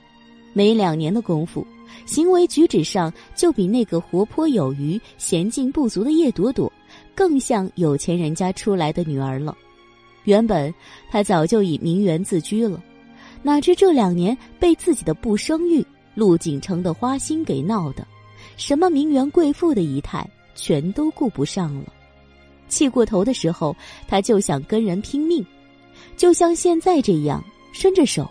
劈头盖脸的朝陆景成就抓了过来，陆景成当然不怕他这样程度的攻击，当下便把脸一板，伸手就将扑过来的叶青言给掀开了。叶青言重心不稳，急速后退，就要跌倒的时候，身后却碰到了一个人。借着这个人站稳后，叶青言才回头一看，刀刻般分明的眉眼。俊逸出尘的气质，不是荣寒生是谁？既是荣寒生，那就不用说了，必定也是来帮叶朵朵的。霎时间，叶青言心里的怒火变成了炉火，熊熊燃烧了起来。荣寒生没有理会他，甚至没有瞟他一眼，就从他身边闪了进来。他的目光只落在叶朵朵的脸上，剑眉微微一收。他不速不慢的走了过去，直接拽掉了他面前的椅子，站在了他的面前。这怎么回事？他的指尖轻触到叶朵朵右边脸耳根处时，叶朵朵才想起了脸上刚刚被叶青言的指甲划了一下，疼只是微微的，想必不严重。他便张口答了一句：“被人挠的。”他说这话的时候。荣寒生才注意到他的左手捂着右手，右手上还乱七八糟的盖着几张纸巾，纸巾上薄的地方渗出了血迹。他低眉看下去，地上也散落着几张擦过血迹的纸巾。俊眉一紧，他便捉住了他的右手，扯掉了捂在上面的纸巾。毕竟是刀尖儿，划过来不伤筋动骨，伤口也不浅。那纸巾拽掉后，鲜红的血立即又从那伤口处涌了出来。荣寒生五指指尖瞬间收紧，喝出的气息，连叶朵朵都能感觉到紧绷。目光抬起，触及他深邃的眼眸，叶朵朵心尖颤了一下。没什么，小伤。他声音很低的说了一声，随后就想抽回自己的手。荣寒生顺势松了手，转目瞟了一眼桌角处的器材盘，一轻身，伸手拽了过来。白色搪瓷盘拖到手边后，他又捉起了叶朵朵的手，用了叶朵朵最熟悉的动作，捏起了消毒药棉，帮他清理伤口。清理干净后，他才问了一声：“要不要抹其他的药？”“不用了，伤口不算深，创可贴贴上就行了。”叶朵朵指示着，任由他捉着自己的手，当了一回临时医生。荣寒生在盘子里扫了一眼，没看到创可贴。叶朵朵又告诉他，在桌子的抽屉里。弯腰，从抽屉里取出创可贴之后，荣寒生才将他受伤的两指仔细的裹好。第二块创可贴边缘合拢的时候。叶朵朵以为荣寒生会松开她的手，却没想到，他没有松，而是五指一延，就将她的手包裹在他的手心里。怕弄疼他，他握得并不重，只是浅浅的包裹，任掌心的温热肆意的传输过去。叶朵朵也不知道自己是怎么回事，手被攥着，她也晃了神，竟忘了抽回来。荣寒生就这么拉着她。一直牵着走到了陆景城面前。陆先生，你们跟朵朵之间的事情，我本来不想多管，但是现在，陆先生，你是逼着我对你做点什么吗？荣寒生一言，让一直看到现在没吭声的陆景城白了脸。不止他脸色变了，叶朵朵也愣住了。他竟摆出了这副守护神的姿态，这是怎么回事？打算管他管到底了，还是赖定他了？思考了一下，叶朵朵觉得后者可能性更大。他仰头看着荣寒生，只见荣寒生面色冷峻的盯着陆景城。陆景城被荣寒生那话一质问，脸色骤变之后，目光就落在了叶朵朵和荣寒生的那两只手上。这样的话，这样的动作。陆景城心里得出了一个他十分排斥的结论：朵朵，你，你们在一起了？他们在一起了，那就意味着他再也没有机会了。如果是别的人还好，可对方是荣寒生，从荣寒生手里抢女人，陆景城知道自己的分量。这个女人，看着眼前的叶朵朵。陆景城心里就是说不出的难受。六年前的他，一定是昏了头了，怎么会放弃眼前这个娇美灵动的叶朵朵，而选择了那个现在看起来跟街头泼妇没什么两样的叶青言呢？陆景城当然不会觉得他这是喜新厌旧，他是那种只关注眼前感受的男人。男人嘛，都是观感动物。叶青言现在弄成了这副德行。怎么能怪他喜新厌旧呢？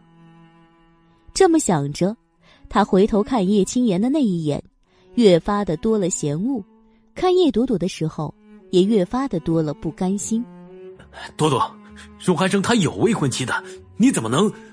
陆景城急了，顾不上什么得罪不得罪的，冲口就对叶朵朵嚷了一句。闻言，叶朵朵只是冷笑：“哼，姐夫。”那你也有妻子呀？一句话把陆景城堵了个面红耳赤，也把叶青言给激醒了。陆景城，叶青言厉吼一声扑过来，拽住陆景城的胳膊：“你看到没有？人家已经攀了高枝儿，现在根本就看不上你了，你竟然还有脸去纠缠？你闭嘴！”陆景城邪火没地方发，听得烦了，转身甩手。又是一巴掌，叶青言被这一巴掌扫得转了个圈，倒在地上，捂着脸，瞪着猩红的眼眸，盯着陆景城，便说道：“你打我，你只会打我，打我有什么用？人家看不上你就是看不上你，陆景城，你这一辈子只能跟我在一起，其他的梦你就别做了吧。”他尝试过用降低姿态来缓和他和陆景城的关系，来抓住这个男人的心。不过后来他发现这样根本无效。陆景城现在视他如破鞋，他就是再热着脸贴过去，他对他也还是没有兴趣。一个是陪他睡了几年的女人，一个是时隔六年不见的前女友。男人的喜好真是再明显不过了，但是。他怎么能甘心这样被轻视？不，不甘心。叶青言眼角的余光瞟到了手边不远处的一点荧光，那是刚刚被陆景城扔掉的弹簧刀。突然，他将那刀给抓在了手心里。人在极度崩溃的情况下迸发的力量，通常是不可限量的。叶青言现在就是，他从抓到刀。到爬起来扑过来，只用了三秒不到的时间。他手里那刀光一闪，叶朵朵的心就跟着紧了一下，手指也跟着感觉到了疼痛。他下意识的想躲，还没动，却被荣寒生手臂一转，突然捂进了怀里。那股熟悉的气息侵袭过来的时候，叶朵朵的脑子里闪过了叶子熙曾经说过的一句话。如果哪天你遇到了危险，救你的人一定是荣寒生。这话应验的倒是快，脸被捂着，他的手掌也贴在他的头上，盖得很严实，没有露出一寸肌肤。在那个瞬间里，世界似乎凝滞，唯一能感觉到的，便是他的心跳。说时迟，那时快。叶朵朵还没从口鼻间那股温热的气息中回神，耳边就传来了一声惨叫。乍听这一声的时候，他的心猛然一抖，首先想到的就是荣寒生是不是被刀划伤了。定神之后，又松了一口气，不是荣寒生的声音，是陆景城的。看来，叶青言想要攻击的对象并不是他，而是陆景城。感觉到荣寒生手臂稍稍松开，叶朵朵就从他的怀里挣脱了出来。顺眼一看，他也抽了一口凉气。陆景成惨了，那刀划在了他的脖子上，从耳根处划下来，一直划到锁骨附近，很长的一道。陆景成是呆了，捂着脖子，竟只瞪着眼，没了反应。叶青言则还握着刀。偷袭成功后，也呆呆的站在那儿，盯着自己手里的那把带着血的尖刀看。正在这时候，本来守在病房附近的伊森见荣寒生半天不回来，也跟着过来。进来刚好撞见这一幕，他也吓了一跳。老大，你们没事吧？这是怎么了？伊森冲过来，一看见叶青言那把离荣寒生不算很远的刀，就眉心一皱。想都没想的，就攥住叶青言的手腕，把刀夺了过来，去叫人处理这里的事情。荣寒生冷声吩咐，说完就拉住了叶朵朵的手往外走。叶朵朵的目光还没从陆景城那鲜血淋漓的脖子收回来，感觉到手被荣寒生牵起后，就往后撤了一下。你先回去，我不能走。陆景城被刀划伤了脖子。那里可有大动脉，弄不好真要出人命的。他是医生，这是医院，他怎么能眼看着人死在他面前呢？即便对方是陆景城，叶朵朵也无法对他置之不理。荣寒生侧目蹙眉，睨了叶朵朵一眼，瞧他这副坚持的样子，心里也莫名其妙的窝了口气。五指一收，他不由分说的就拖着他往外走。他那个伤死不了，伤口深度零点五厘米左右，想死还差点。啊！叶朵朵直接懵了。颈动脉在皮下一厘米左右，伤口深度零点五厘米，当然不足以致命。问题是，他还没来得及看清的事情，荣寒生怎么知道的？看的还那么仔细，对颈动脉的位置也了如指掌。天哪，他怎么做到的？一向把荣寒生归于医术盲的叶朵朵，这下愣得很彻底，以至于都快被拖到荣寒生那间 VIP 病房了，他都还没回神。进了病房，四下寂静，叶朵朵才终于回神了。你怎么知道的，荣寒生？你说，你是不是学过医？你学过医还跟我一直装？深感自己被欺骗，他有些生气，一双小手紧紧的揪在荣寒生的衣襟上，瞪大了眼睛质问他。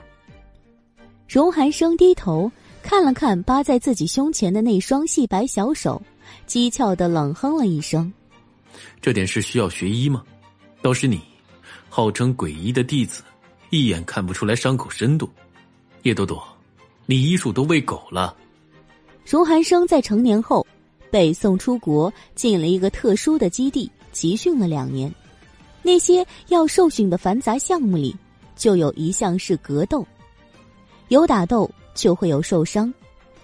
教他的老师在平常训练的时候，偶尔提到过一些这方面的知识，他也就记在了心里。事实上，他也不知道陆景成伤口的确切深度，只是从他脖子里流出来的血量。做了个大概的判断，也许是他那个零点五厘米蒙得很准，竟然把叶朵朵给唬住了，这才让他有了机会嘲笑他。荣寒生对自己刚刚迸发出的那道灵光深感得意，眸光讥诮的盯着叶朵朵，不遗余力的打击着他。叶朵朵哪知道他那个零点五根本是蒙的，他被他这一句话讥讽的都有些心虚了。我我那是救人心切，怕他出事了，心急没看清，不要乱诋毁我的医术。刚刚他是走神了，一来事发突然，他先被吓了一下；二来荣寒生那么一搂，又让他莫名其妙心神荡漾。他哪还有心思去镇定的分析什么出血量的问题？给自己找借口找到这里，叶朵朵又有些懊恼。他毕竟是个专业医生，面对病患的时候还在走神，别的不说，这态度就有问题。也不怪荣寒生讥讽他了，他真的不如他冷静啊。自我批判的情绪挂到了脸上，荣寒生的脸也低了下来。救人心切，怕他出事，这么说他在你心里位置很高。荣寒生的语气和脸色一样不阳光。叶朵朵抬眸翻了他一记白眼：“你脑补的太多了。我是医生，这里是医院。我要是让他死在我面前，明天我就得离开这里，进监狱去了。人家不告我个渎职，才出了轨。”哦，荣寒生拖了个长音，语气似颇为满意。他直起身，缓步走到了床边，坐下后。又朝叶朵朵伸了手，过来。有人说话自带魔性，尤其是发号施令的时候，简直能让人在猝不及防之下就遵从了。叶朵朵就是这样，她人都走过来了，才反应过来自己为什么要那么乖的走过去呢？所以快走到跟前的时候，他就站住了，皱着眉，不高兴的逆着荣寒生：“干嘛？”不干什么，我只是好奇，你姐姐为什么莫名其妙跑来找你拼命？他虽然没看见这件事的前半段，但是随便一想也能想得出来。叶青言带着刀，肯定不会专门为了划陆景城的。在这里，他想攻击的对象只可能是叶朵朵。他为什么要这样疯狂呢？一定是眼前这个丫头做了什么事，激得他如此了。这个推断完全不费神的，就在荣寒生脑子里形成了。在他看来，叶朵朵绝对是个分分钟能把人逼疯的女人。他自己不就是被他气得莫名其妙的给了他地皮吗？所以，逼疯叶青言，那简直不在话下。感谢您收听都市言情小说《总裁的恶魔小七》，欢迎收听都市言情小说《总裁的恶魔小七》，作者：初寒，演播：八一六合叶儿不轻，后期制作：千雪，由喜马拉雅荣誉出品。第四十六集，这么想着，荣寒生的眼睛里。就多了一丝讥诮的笑意。叶朵朵不到跟前，他也没有勉强，手臂放下来，自己往后一挪，就靠在了床上。叶朵朵见他这样，立即皱紧了眉头，脚步也不由自主的往前动了。你不能这么靠着，躺下去，伤在脊椎处要平躺。我跟你说过的。荣寒生这几天已经好多了，指尖的麻木感。也基本没了，所以他就没注意这些。被他这么一提，他也怔了一下，回过神来，他便勾唇邪魅的笑了笑：“你的细致，看来对我才有。”陆景城伤了脖子，他走神，自己现在姿势不对，他倒是发现了。荣寒生相当满意的看着叶朵朵，顺利的捕捉到了他那饱满的苹果肌上。飞起了一小块红晕，荣寒生，你这张嘴，嘴怎么了？味道很好。越说越下流，这一轮的斗嘴中，叶朵朵完败了。他懒得再搭腔，正准备甩袖离开，手就被某人捉住了，一个老套的动作，他就被扯到了床边。叶青言脸上那几道胡子，是不是你给弄的？嗯。他明明在说一件正经事，可那语气却暧昧的不行，尤其是喝出的那口热气，撩得叶朵朵耳根子都红了。放开，说话就说话，别整的一副欲求不满的样子。叶朵朵扭了一下，荣寒生却被他的话逗笑了，手臂圈紧，就是不放，笑道：“我是欲求不满啊，叶医生，你才知道你。”皮皮城墙后，刀枪不入。叶朵朵没好气的回了一句，扭又扭不开，她也烦躁了，干脆攥紧了拳头，朝着荣寒生挥了挥：“放开，不然我揍你！”揍我！荣寒生发誓，这一定是他听过最好笑的话了。我怕你揍我吗？他讥笑，说完后，话又回到了叶青言身上，又说道：“不过你也够损的。”把自己姐姐弄成那副模样，怎么下得了手的？那可不是我弄的，那是你儿子的杰作。叶朵朵心里补了一句，嘴上却不敢说。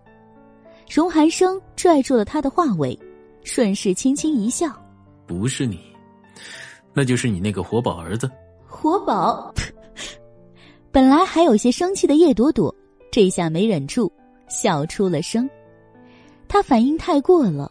荣寒生微微眯起了眼眸，很好笑吗？他问。叶朵朵转脸看着他，憋住笑，摇了摇头，不好笑，不好笑啊！我想你是说的太对了，他就是活宝啊，超级大的活宝一只。当爹的诋毁自己儿子，他这个当妈的听着怎么那么爽呢？叶朵朵笑得眉眼弯弯，一时间。也忘记了自己还紧紧的挨着某人，把身一转，他干脆凑近了荣寒生，眼眸发亮的问了一句：“荣寒生，你觉得我儿子是不是特别讨厌？”荣寒生眉心微蹙，沉默了。哪有人说自己儿子讨厌的？这女人是不是在给他挖坑？捉摸不透叶朵朵的心思。荣寒生觉得自己还是闭嘴的好。我跟你说，我儿子他大概是遗传了他那个混蛋爹的混蛋基因，每天除了惹事就什么都不会了，什么被请去参加家长会听训，那简直是每天都有的事。还有哦，他跟他爹一样，对小妹妹特别感兴趣。你说这叫不叫上梁不正下梁歪？都是他那个好色、懒惰、无恶不作、恶贯满盈、人渣败类、丧尽天良。叶朵朵，叶朵朵把从小学到现在学会的形容混蛋的词语都搬了出来。荣寒生起初还在研究他诋毁儿子兼儿子他爹的动机，听到后面实在听得后背发凉，忍无可忍的低吼了一声：“闭嘴！干嘛闭嘴啊？我还没说完呢。”已经充分领略到当面骂人，那人又拿他无可奈何的快感，他哪能轻易停下？小嘴不停歇的吐露着花式骂人的词语，他的身子也扭了扭，也不起来。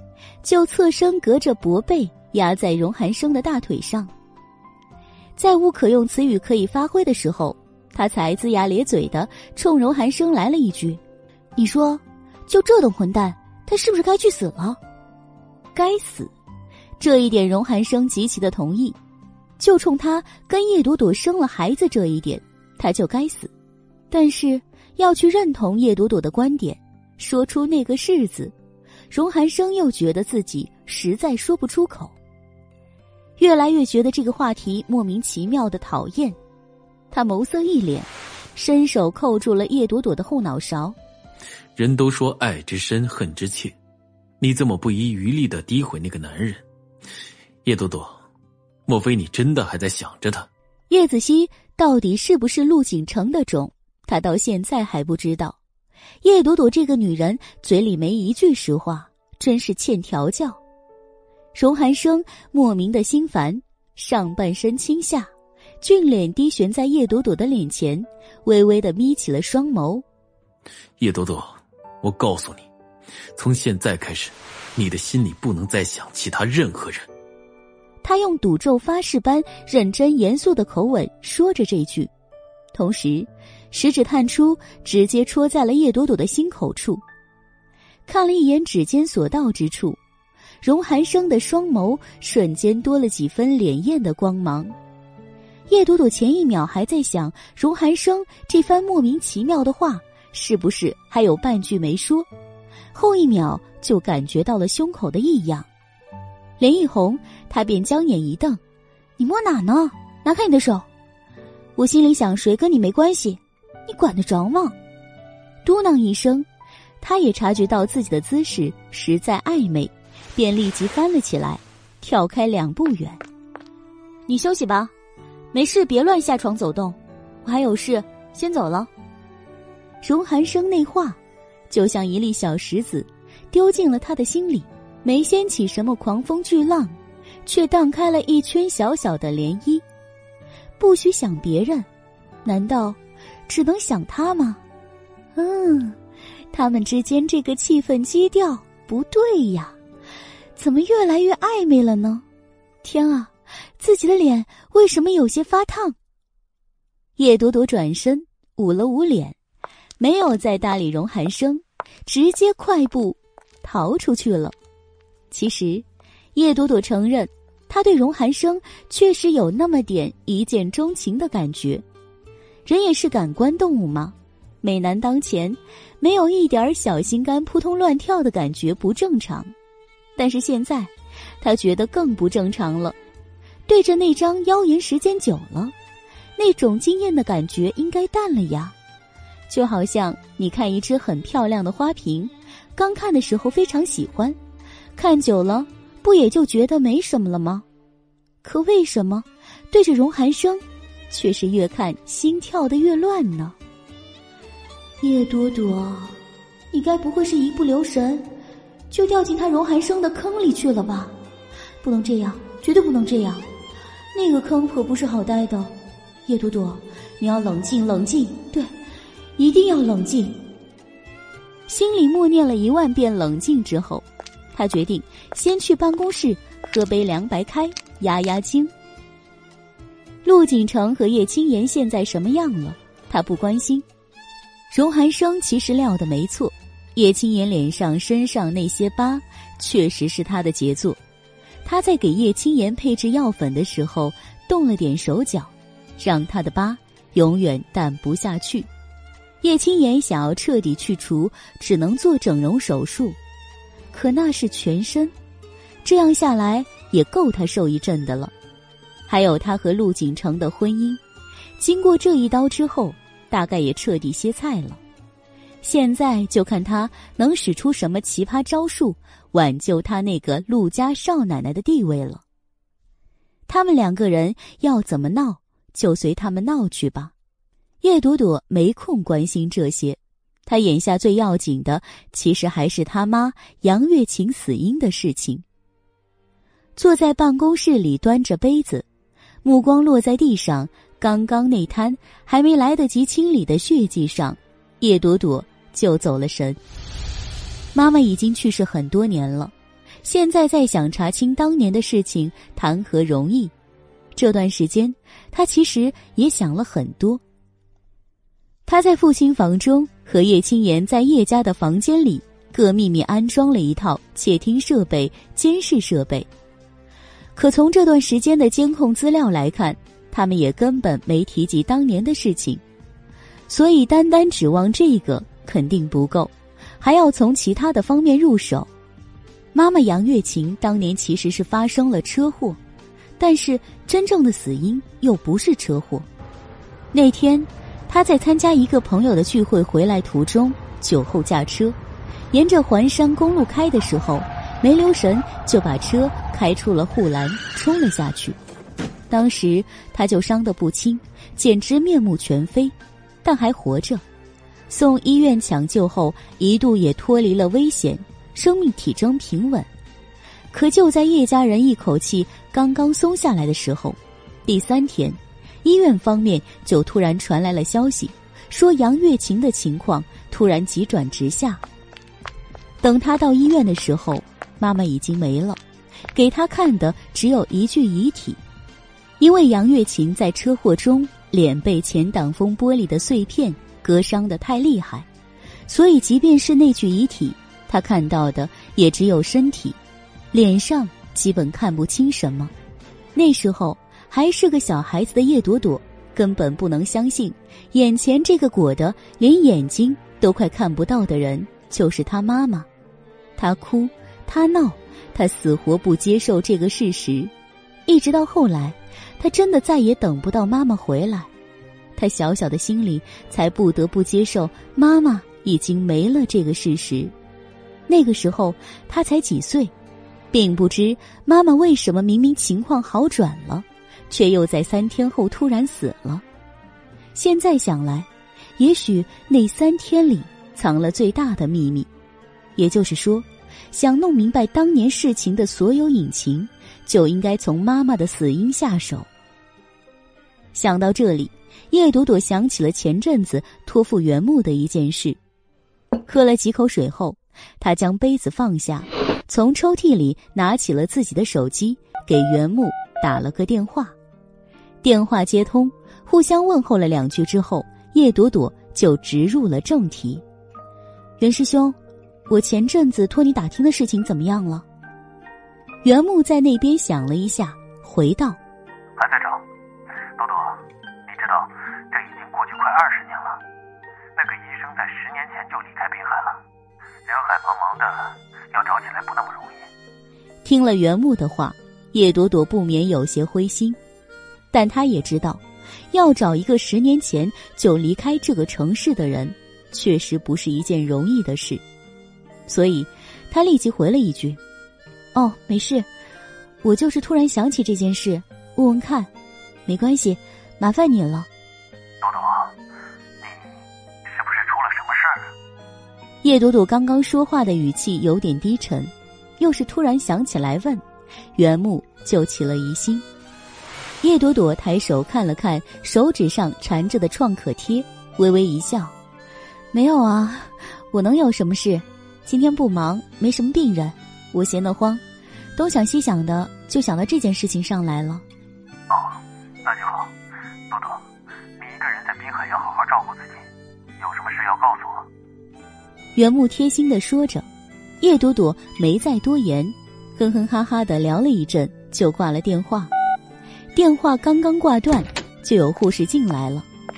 叶主任，刚刚那个脖子受伤的男的，处理好了伤口后，他非要离开，我们也拦不住，就让他走了。啊？叶朵朵愣了一下，护士继续说道：“他伤口不深，我们本来建议他住院观察两天，他死活不肯，非要走。”拦也拦不住。这个护士不知道叶朵朵和陆景城还有叶青言之间的复杂关系，但他知道这事儿是在叶朵朵的办公室发生的，那必然就跟叶朵朵有了点关系。冲突流血，这可不是什么光彩的事情，所以他在报告陆景城离开这个事的时候说的很笼统，没有多说一个字。叶朵朵本来就不太关心陆景城和叶青言怎样，现在听到这些更加懒得管，只淡淡的答了一句：“好，我知道了，随他吧，麻烦你了。”叶主任客气了。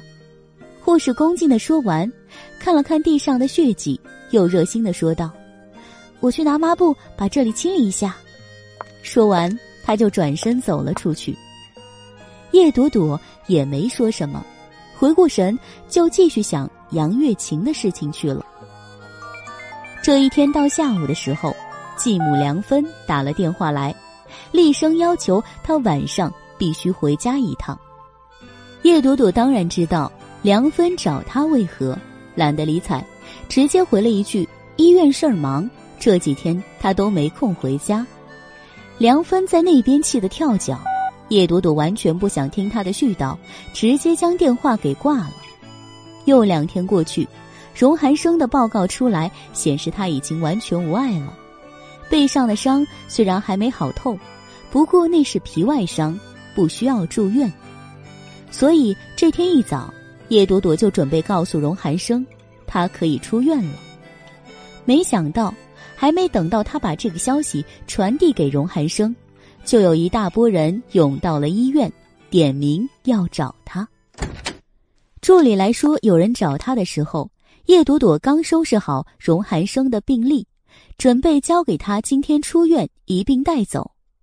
叶朵朵起初还没反应过来是出了事儿，等察觉助理神色异常紧张。才不由得皱起了眉，怎么了？是谁找我？这、这、这个……助理皱了半天，不痛快的样子惹了叶朵朵一瞪眼，直接说：“到底谁来找我？”是那个叶主任，你今天早上上网了吗？助理突然一问，叶朵朵愣了一下，没有，怎么了？那您还是先上去看看吧。网上很多关于您的消息，门外那些都是记者。刚开始来了几个是要进来采访您，院长给挡了。现在陆续又来了一批，门口已经闹翻天了。院长还在外面跟他们交涉，让我先来跟您说一声，您好有个心理准备。闻言，叶朵朵惊了一下，她第一反应就是网站上有人散播了他和荣寒生。还有许凌寒之间这些乱糟糟的事，豪门里这些狗血八卦是最让人津津乐道的，其传播速度比病菌还快。那些记者们第一时间找上门来，一点儿也不奇怪。叶朵朵攥着病历的手紧了一下，眉目暗沉的想了一会儿，才说道：“我知道了，你先去吧。”助理走后，叶朵朵捏着病历。返回了办公室，打开电脑，点开新闻，果然头版头条就是他。帖子太多，他也不知道哪个是最先发的，反正基本内容都差不多。套用一个帖子的标题总结就是：地勤集团二少婚前劈腿著名医生某某某，逼正牌未婚妻割腕求死。写新闻的人也是奇才。不知道从哪儿挖出了许多他的照片，贴在了上面，下面还有他的履历，差不多能挖出来的都挖出来了。帖子下面清一色所有的留言都是咒骂他这个小三儿的。当然，荣寒生顶着一个渣男的名号，情况也不比他好多少。唯一不同的是，荣寒生一直就是焦点人物，人们对他没那么好奇，所以关注点。也不在他身上，他就不同了。他很少出现在公众视野中，突然蹦出来了，所有人对他都很好奇。因此，网络这波浪潮里，他和许凌寒处在了风口浪尖儿。许凌寒是弱者形象，赚足了同情和眼泪；他则是那个不要脸的，受尽了口水。叶朵朵还是第一次面对这么多的骂声，虽然是在虚拟世界里，却也还是让他有些措手不及的感觉。有一段时间里，他就坐在电脑面前，眼睛瞅着那些辱骂他的文字发呆。他知道这件事绝不是不让记者进门采访就行了这样简单。网络上现在是闹开了，这段时间里还会继续发酵，发酵到什么程度？他会面对什么？他现在也无法预料，所以现在最要紧的是把这波舆论给压下去。怎么压？他的力量当然太薄弱，能指望的只有荣寒生。想到这里，叶朵朵就猛地站了起来，转身奔出了办公室。感谢您收听都市言情小说《总裁的恶魔小七》。欢迎收听都市言情小说《总裁的恶魔小七》，作者：初寒，演播：八一六和叶儿不清，后期制作：千雪，由喜马拉雅荣誉出品。第四十七集，他想去找荣寒生，让他把这件事摆平。毕竟他在这件事里也处在不光彩的位置，他不会不管。也许是心有灵犀。刚跑出来的叶朵朵就跟迎面而来的荣寒生撞上了，抬眼一看荣寒生的脸，叶朵朵就愣住了。这个时候，他应该知道了网上那些事了吧？可他这表情像是知道了的样子吗？太平淡了，好像什么都没发生过。难道还不知道？叶朵朵狐疑，沉着脸张口就道：“网上那些帖子你知道了吗？”嗯，荣寒生点头，云淡风轻的样子让叶朵朵咂舌。知道你不着急，已经发生的事着急有用吗？一句反问，差点把叶朵朵堵了个心肌梗塞。最后他不得不承认，人家比他经历过的大风大浪多得多，所以才练就了这份波澜不惊的本事。瞧荣寒生这样，叶朵朵刚刚一直紧绷的心。也松了一些，那你打算怎么办？这事要多久才能压下去？他这么问，荣寒生竟然浅浅的笑了笑。你倒是对我有信心，不怕我摆不平？你摆不平吗？别逗我了，除非你压根儿不想摆平。叶朵朵相当有自信的说道。荣寒生轻笑一声，话锋一转，突然说：“走吧，我送你。”这人话转得太快，叶朵朵还有些蒙圈。去哪儿？荣寒生毫无意外的丢了个讥诮的白眼给他。门外一大群记者堵门，你以为你还能安稳的在这里上班，还不赶紧逃吗？这话说的，好像他真的做了什么见不得人的事一样。叶朵朵心里有些扭曲，不过一想，荣寒生的话也有道理，就算他不走。院长也会让他走的，别的不说，影响医院正常秩序这一条就够他再停止几天的，所以他好像只能走了。叶朵朵还在纠结的时候，荣寒生突然上前半步，手臂微微一扬，就将他的手攥在了手心。走吧，还愣着干什么？等记者来请你吃饭吗？话说的机巧。牵手的动作却做得极其的熟练和自然，就好像他们经常这样。也是，的确有好几次这样了。所以手落进他温热干燥的掌心里时，叶朵朵连那种紧张不适都没了。习惯真的可怕啊！再让人脸红、让人排斥的事情做的次数多了，就成了自然。叶朵朵觉得自己一定是着了魔了，竟然就这么跟着荣寒生走了。他们走到医院后门，伊森显然早就安排了。一出大楼后面的小门，叶朵朵就看见了荣寒生的车，拉着他来到跟前。荣寒生亲手开了车门，让他先进去。坐稳后，他就给程院长打了个电话，说明了一下。程院长也很同意他暂时回避。就口头上给他放了假。车轮滚起来的时候，荣寒生才说道：“这件事不难解决，不过你不能太心急，这种事舆论谈下来需要时间。就算一夜间把帖子全部删除，人的嘴巴你管不住。滨海就这么大，你想一夜之间干干净净像什么都没发生过，那是不可能的。所以，你要有心理准备。心理准备。叶朵朵侧目盯着荣寒生，两道柳叶般的眉随着他的话越收越紧。荣寒生，你难道不觉得你还欠我句对不起吗？说实话，叶朵朵觉得这件事里她很无辜。三番两次调戏她的人是荣寒生，脑补出他们之间有奸情、想不开自杀的人是许凌寒。结果这件事里，最倒霉的是他，他招谁惹谁了？好像他一直都在被动挨打呀。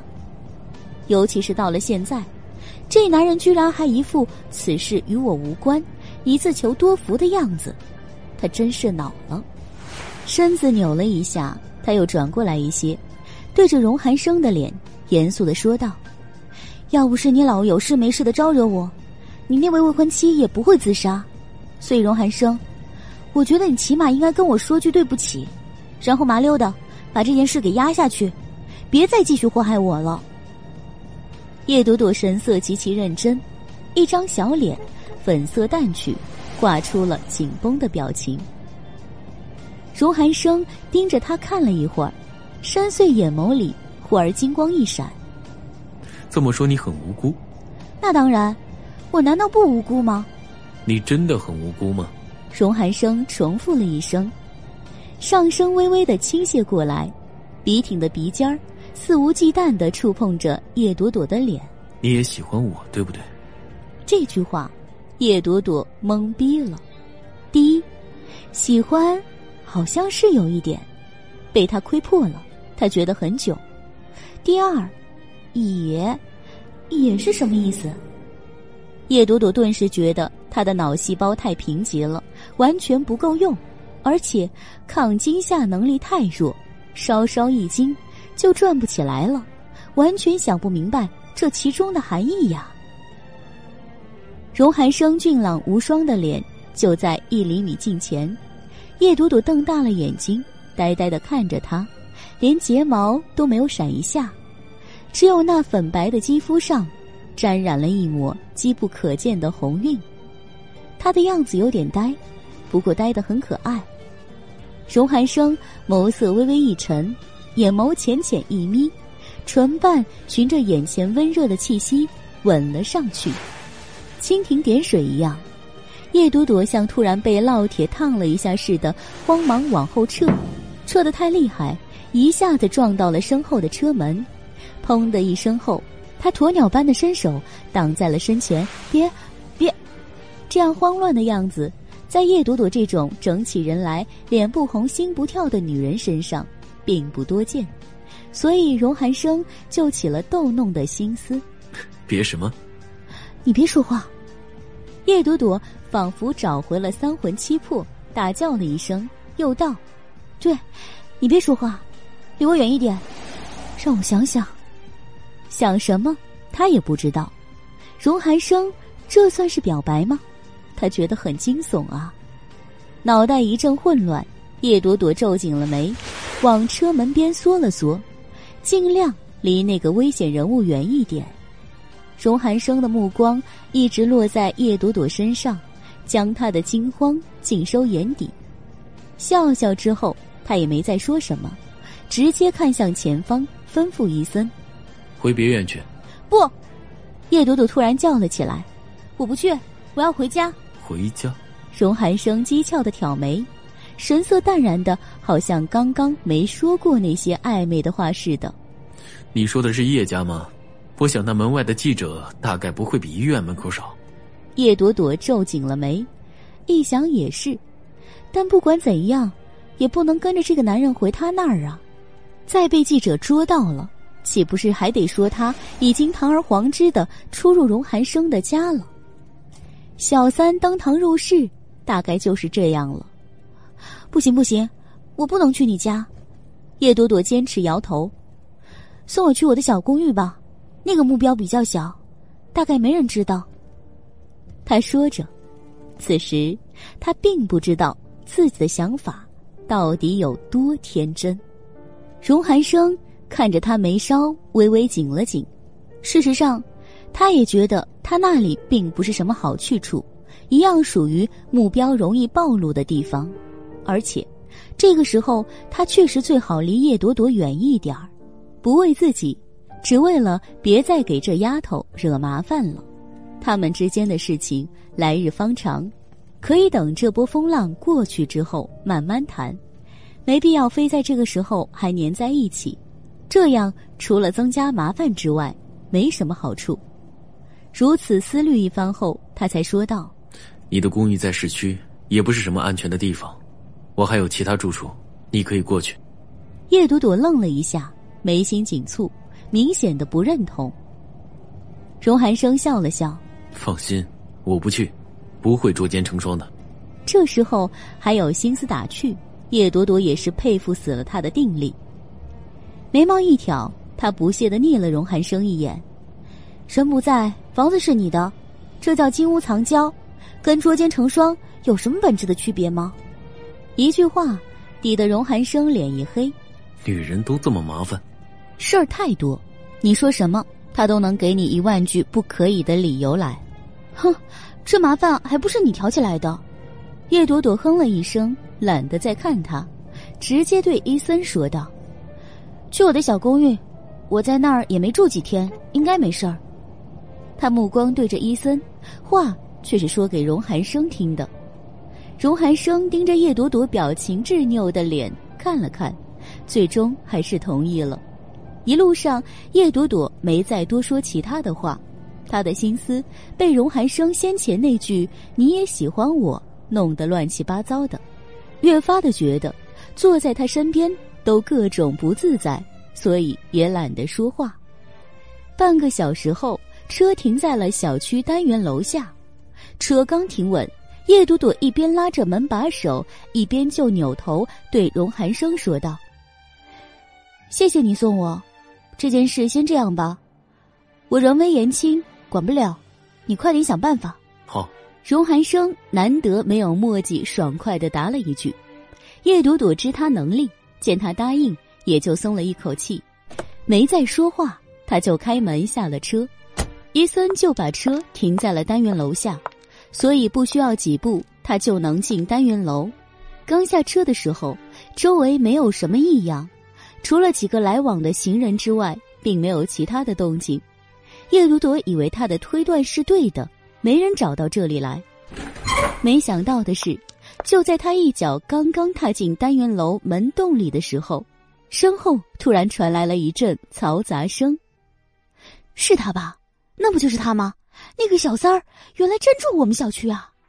是他是他，瞧那个骚样，跟照片上一模一样。现在是白天，看清他的样子并不难。叶朵朵惊了一下，扭头一看，就见一大波人成群结队的朝他这里快速的涌来。这一群人里以四五十岁的大妈居多，其中也夹杂了一些其他的人。这还不算，他扭头的时候，目光同时发现另有一波人远远的也在朝这边奔。这一波人跟前一波大妈们不同，他们是记者，脖子上都挂着相机。这真是奇了怪了，虽说无巧不成书，可这也太巧了。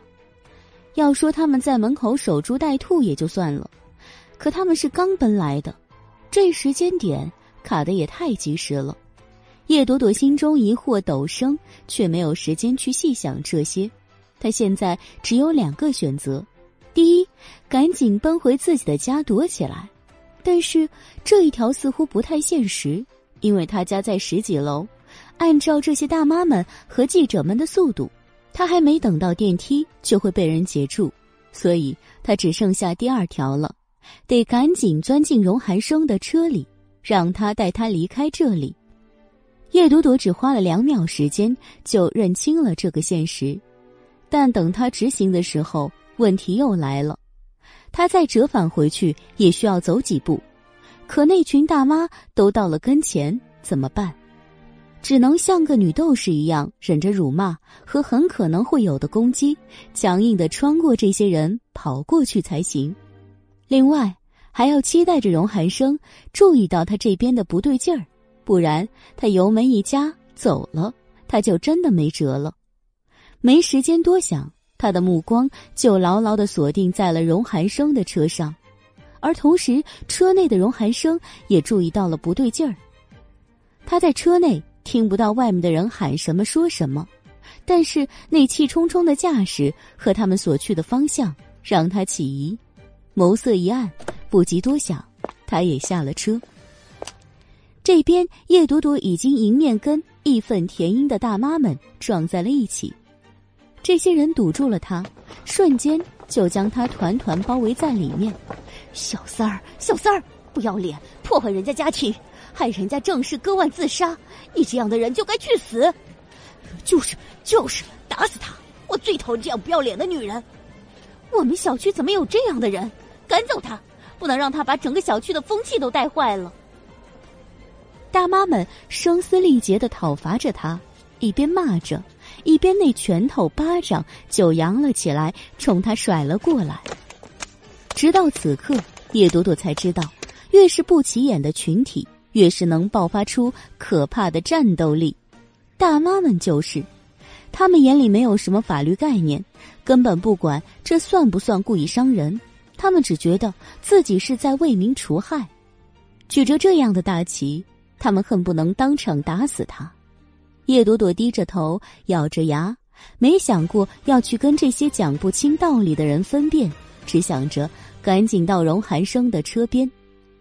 可这仅仅几步路，现在也变得异常艰难。这些人将他团团围住，推推搡搡，拳打脚踢。瘦弱娇小如她，根本没办法突围出来。不到一分钟时间，叶朵朵就觉得自己全身都在疼。他们的拳头没什么目标性，反正就朝他身上招呼，头上、肩膀上、背上都被砸了很多下。最要命的是，没等他找到可趁的缝隙挤出去，身后就有人拽住他的头发。头皮上猛烈的一疼，他的身体被扯得往后一仰，这样一来，脸暴露在外，就成了那些拳头的重点攻击对象。哼，长得就是一副狐狸精相，撕了他这张脸，看他以后还怎么勾引男人！有人怒骂，旋即一只坚硬的拳头就砸在了叶朵朵的脸上，鼻骨一疼，他很快就嗅到了血腥气。这个瞬间。叶朵朵是绝望的，她现在后悔刚才没有用她那三脚猫的功夫，不管三七二十一，先放倒几个突围出来，瞻前顾后的结果，现在就是自己被动挨打，鼻骨上疼得要命。他猛然翻了一下身，伸手揪住了他身后拽他头发这位大妈的胳膊，就在他的拳头刚塞到大妈胸口上的时候。耳边响起了荣寒生的声音：“住手！”他来了，他终于来了。叶朵朵听到这一声，如同听了天籁一般，瞬间里除了松了一口气之外，他竟有一些感动。荣寒生什么表情他看不到，他只知道，几秒间他的气息就到了身旁，很快攥紧他头发那位就吆喝的叫了一声，按着他头皮上的疼痛消失。人也被卷进了荣寒生的怀抱里。荣寒生身形高大，护着他，几乎能将他整个人包裹起来。他的手臂搂得很紧，压得叶朵朵的脸紧紧贴在他的胸口处。没等他抬眼，便听见荣寒生夹着怒火的声音宣泄而出：“伊森，弄走这些人，打死我负责。”荣寒生甩出了狠话。脸上也挂着伊森不常见的阴冷果决，尤其是那双眼眸里，竟然迸射出了一种如狼般阴狠的杀伐之气来。得了这样的命令，伊森也没再客气，双臂扬起，很快就将挤在荣寒生面前的两个人给掀开了。大妈们明显也是欺软怕硬的主，欺负一个叶朵朵，他们战斗力爆棚。现在面对伊森这样的练家子。他们都蔫儿了，两个同伴被掀倒之后，其他人自觉的都停了手。这时候，记者也挤了上来。哎，荣少，真的是荣少！有人喊了一嗓子，紧接着几只相机就举了起来，对着荣寒生和叶朵朵就是一阵猛拍。荣少，请问你真的是为了这位叶小姐和未婚妻分手的吗？荣少，你未婚妻为了这件事割腕自杀，你真的无动于衷吗？各式刁钻的问题接连抛出。几个记者取代了大妈，一个劲儿的往荣寒生身边挤。荣寒生紧紧的护着叶朵朵，俊脸阴寒，一字未发，只朝着伊森使了个眼色。感谢您收听都市言情小说《总裁的恶魔小七》，欢迎收听都市言情小说《总裁的恶魔小七》，作者：初寒。演播八一六和叶儿不清，后期制作千雪，由喜马拉雅荣誉出品。第四十八集，伊森会议，一把就夺了首先发问的那人的相机。在滨海这个地方，敢发荣家人新闻的有，但是会将荣寒生堵在这里问这样尖锐问题的，一定是一些犄角旮旯里出来的小杂志社的人。大传媒集团出来的记者都知道其中厉害，写写常规报道也就算了，直接堵上前触眉头，他们不敢。只有那些小报记者为了冲销量，不计较后果。说到底，荣寒生这样的人，一般情况下也不会跟他们这种不入流的角色一般见识，他浪费不起这个时间，所以他们更加有恃无恐。可今天他们料错了。因为荣寒生真的计较了，伊森，查清楚这些人是哪家报社的，一个礼拜之内让这些混蛋报社从滨海彻底消失。荣寒生的话冷硬的甩出，记者们愣了一下，面面相觑。他们也不是没跟拍过名人的隐私，起冲突的时候也有，但是迄今为止还没有人像荣寒生这样当众放狠话，这话里的分量。他们都掂量得出来，不过这其中还是有那么两个愣头青想据理力争，但是荣寒生已经不想理会了。叶朵朵那张染满了血的脸就在他脑子里晃荡，他现在只想把她带到安全的地方。眉峰一冷，他携着叶朵朵便朝车边走去，前面伊森开路，对这些记者也没有任何客气。谁敢上前，他就把谁甩开一边。两分钟后，他们终于到了车边，开门上车。伊森没有犹豫一秒，就发动了汽车，猛踩了油门，将这些乱糟糟的人甩在了车后。耳边的嘈杂淡去，荣寒生才深锁着眉头，看向身边的女人。叶朵朵半低着头，刚从脸上抹了一把血迹。那颜色映在他粉白的掌心里，异常的触目惊心。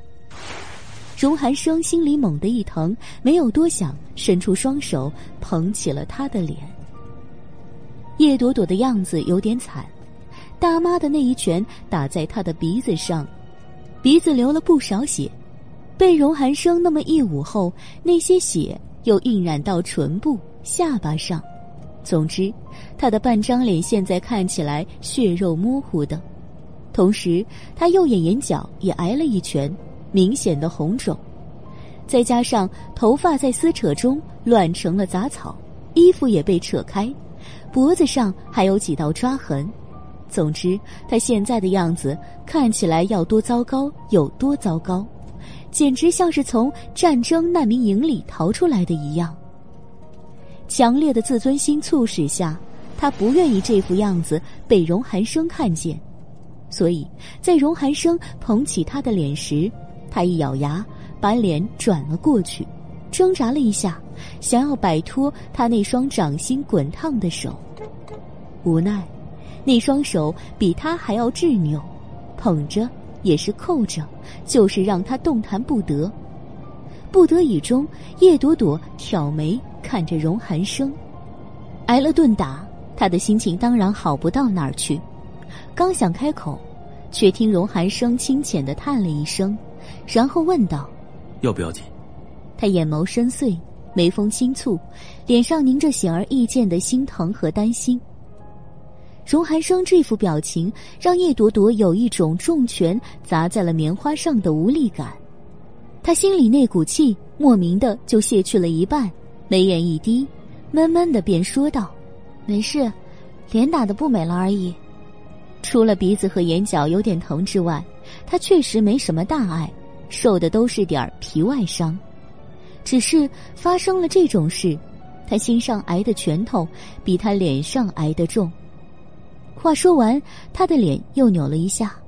嗯，放开，弄脏了你的手，我可负责不了。事实上，他的衣服上、手上都沾了不少他的鼻血。此时，他倒没什么洁癖症了。叶朵朵瞟了一眼荣寒生西装前襟上的那片血迹，心里乱糟糟的想着。他负气的说完，荣寒生也没搭腔。而是看了他两秒后，松了一只手，扬臂从后面抽了几张纸巾出来。叶朵朵本能的伸手去接，荣寒生的手却轻巧的避开了。别动，他说，眉心凝着一丝严厉，指尖却捏着雪白的纸巾，轻柔的帮他擦起了脸上的血迹。男人的脸距离他不过一厘米，他目光凝重，薄唇紧抿。斜飞入冰的眉却没了往日的硬朗，微微蹙起，显得异常的温柔。更有他喝出的那缕热气扑面而来，刚好萦绕在他的鼻尖，湿哒哒的，莫名其妙的，竟引得他鼻尖一酸。叶朵朵都不知道自己多久没哭了，这个瞬间，她竟然想哭，有点委屈，还有点说不清道不明的其他情绪。大概是刚刚被大妈们追着暴打了一顿，现在的叶朵朵有点脆弱，她没能忍住那股复杂的情绪，想哭的时候，眼泪就真的滚了出来。他刚好半低着头，眼泪一滚出来，就掉在了荣寒生的手上，手背上一热，荣寒生蓦然抬眼看着他，四目相对。叶朵朵有了种最狼狈的时候被揭穿的窘迫感，不等荣寒生发问，他便佯装嗔怒的说了一句：“你轻点儿，好疼。”言下之意，他哭并不是因为他脆弱、他难过，而是因为他擦拭的动作弄疼了他。可他的掩饰，在荣寒生这双如炬的慧眼里看来，都成了小儿科。先前在医院被划伤手。他也没疼到哭，现在不过擦个血，能那么疼？荣寒生将他竭力想隐藏的那些情绪看在了眼底，却没有拆穿他，眉目一垂，继续擦拭，同时说道：“这几天你就住我那里，刚刚那些人我会帮你查清楚。”说完，他就扭头看了前面开车的伊森一眼，喊了一声：“伊森！”伊森立即会意：“知道了，老大，您放心。”我马上着手。叶朵朵愣了一下，问道：“你也觉得今晚的事是有人蓄意而为的？”用了“也”字，就说明他同样是这么认为的。荣寒生丢了沾满血的纸巾，又抽了几张出来，细细的又擦了第二遍，同时讥诮的冷哼了一声：“哼，天底下哪有那么多的人，什么都不顾，自告奋勇的来伸张正义？”这个社会上，大多数人是自扫门前雪的。就算他真的是臭名昭著的小三儿，顶多说几句风凉话。像今天这样不顾死活的动手打人，这反应实在激烈的诡异。再说大妈们，他们距离网络比他还遥远，他都没有注意到的传闻，他们怎么知道的那么快？就算要来声讨他，也应该迟一两天。等这件事持续发酵，到了那种街头巷尾都知道的份儿上时，他们再来还差不多。现在看来，这速度也着实快得让人不得不怀疑。想到这里，叶朵朵心惊了，眼眸中的光芒也冷了下来。会不会是你那位爱你爱到要割腕自杀的未婚妻？没来由的，他很生气，非常的生气。荣寒生被他话语中明显的讥讽味道刺了一下，擦拭的动作稍稍一停，眸光凛冽说道：“我记得我说过，她已经不是我未婚妻了。前阵子还是，人家说一日夫妻百日恩，你们做了这么久的未婚夫妻，难道一点恩情都没有？”叶朵朵张口就来，眼里喷出了小兽发怒般的熊熊烈火。荣寒生愣了一下。紧紧盯着叶朵朵盛怒的脸，看了好一会儿，没吭声。再开口时，他的语气里多了几分笑意：“你这是吃醋？”吃醋？叶朵朵被噎了一下，心头莫名其妙的慌了一下。为了掩饰，他狠狠的瞪了荣寒生一眼，抬手挥开他的手，自己将纸巾接了过来。你的发散思维真是让人佩服。我只是想提醒你，并警告你，这次我因为你们俩的事情已经弄得这么惨了，下次麻烦你们都离我远一点。我可以让他离你远一点。荣寒生接的很快，话却让人听不懂。叶朵朵终于擦好了脸，鼻子也不流血了，他才伸手理了理乱糟糟的头发，同时凉凉的睨了荣寒生一眼。那你自己呢，荣寒生？你到底还想怎样啊？我想，荣寒生故意停顿，身体倾过来，以鼻尖儿碰鼻尖儿的距离，目光悠悠的盯着叶朵朵。我想这样，同时薄唇贴过来，轻轻的贴在了叶朵朵的唇上。这一吻突兀的活像晴天一个霹雳，整个把叶朵朵都给劈懵了。回过神来，他慌忙撇开脸，瞪大眼睛，怒吼。荣寒生，你这男人说他什么好哎？到底想干什么嘛？车里还有人好不好？朵朵，荣寒生突然喊了一声，没有姓，只有名。叶朵朵气羞羞的瞪着他，没有说话。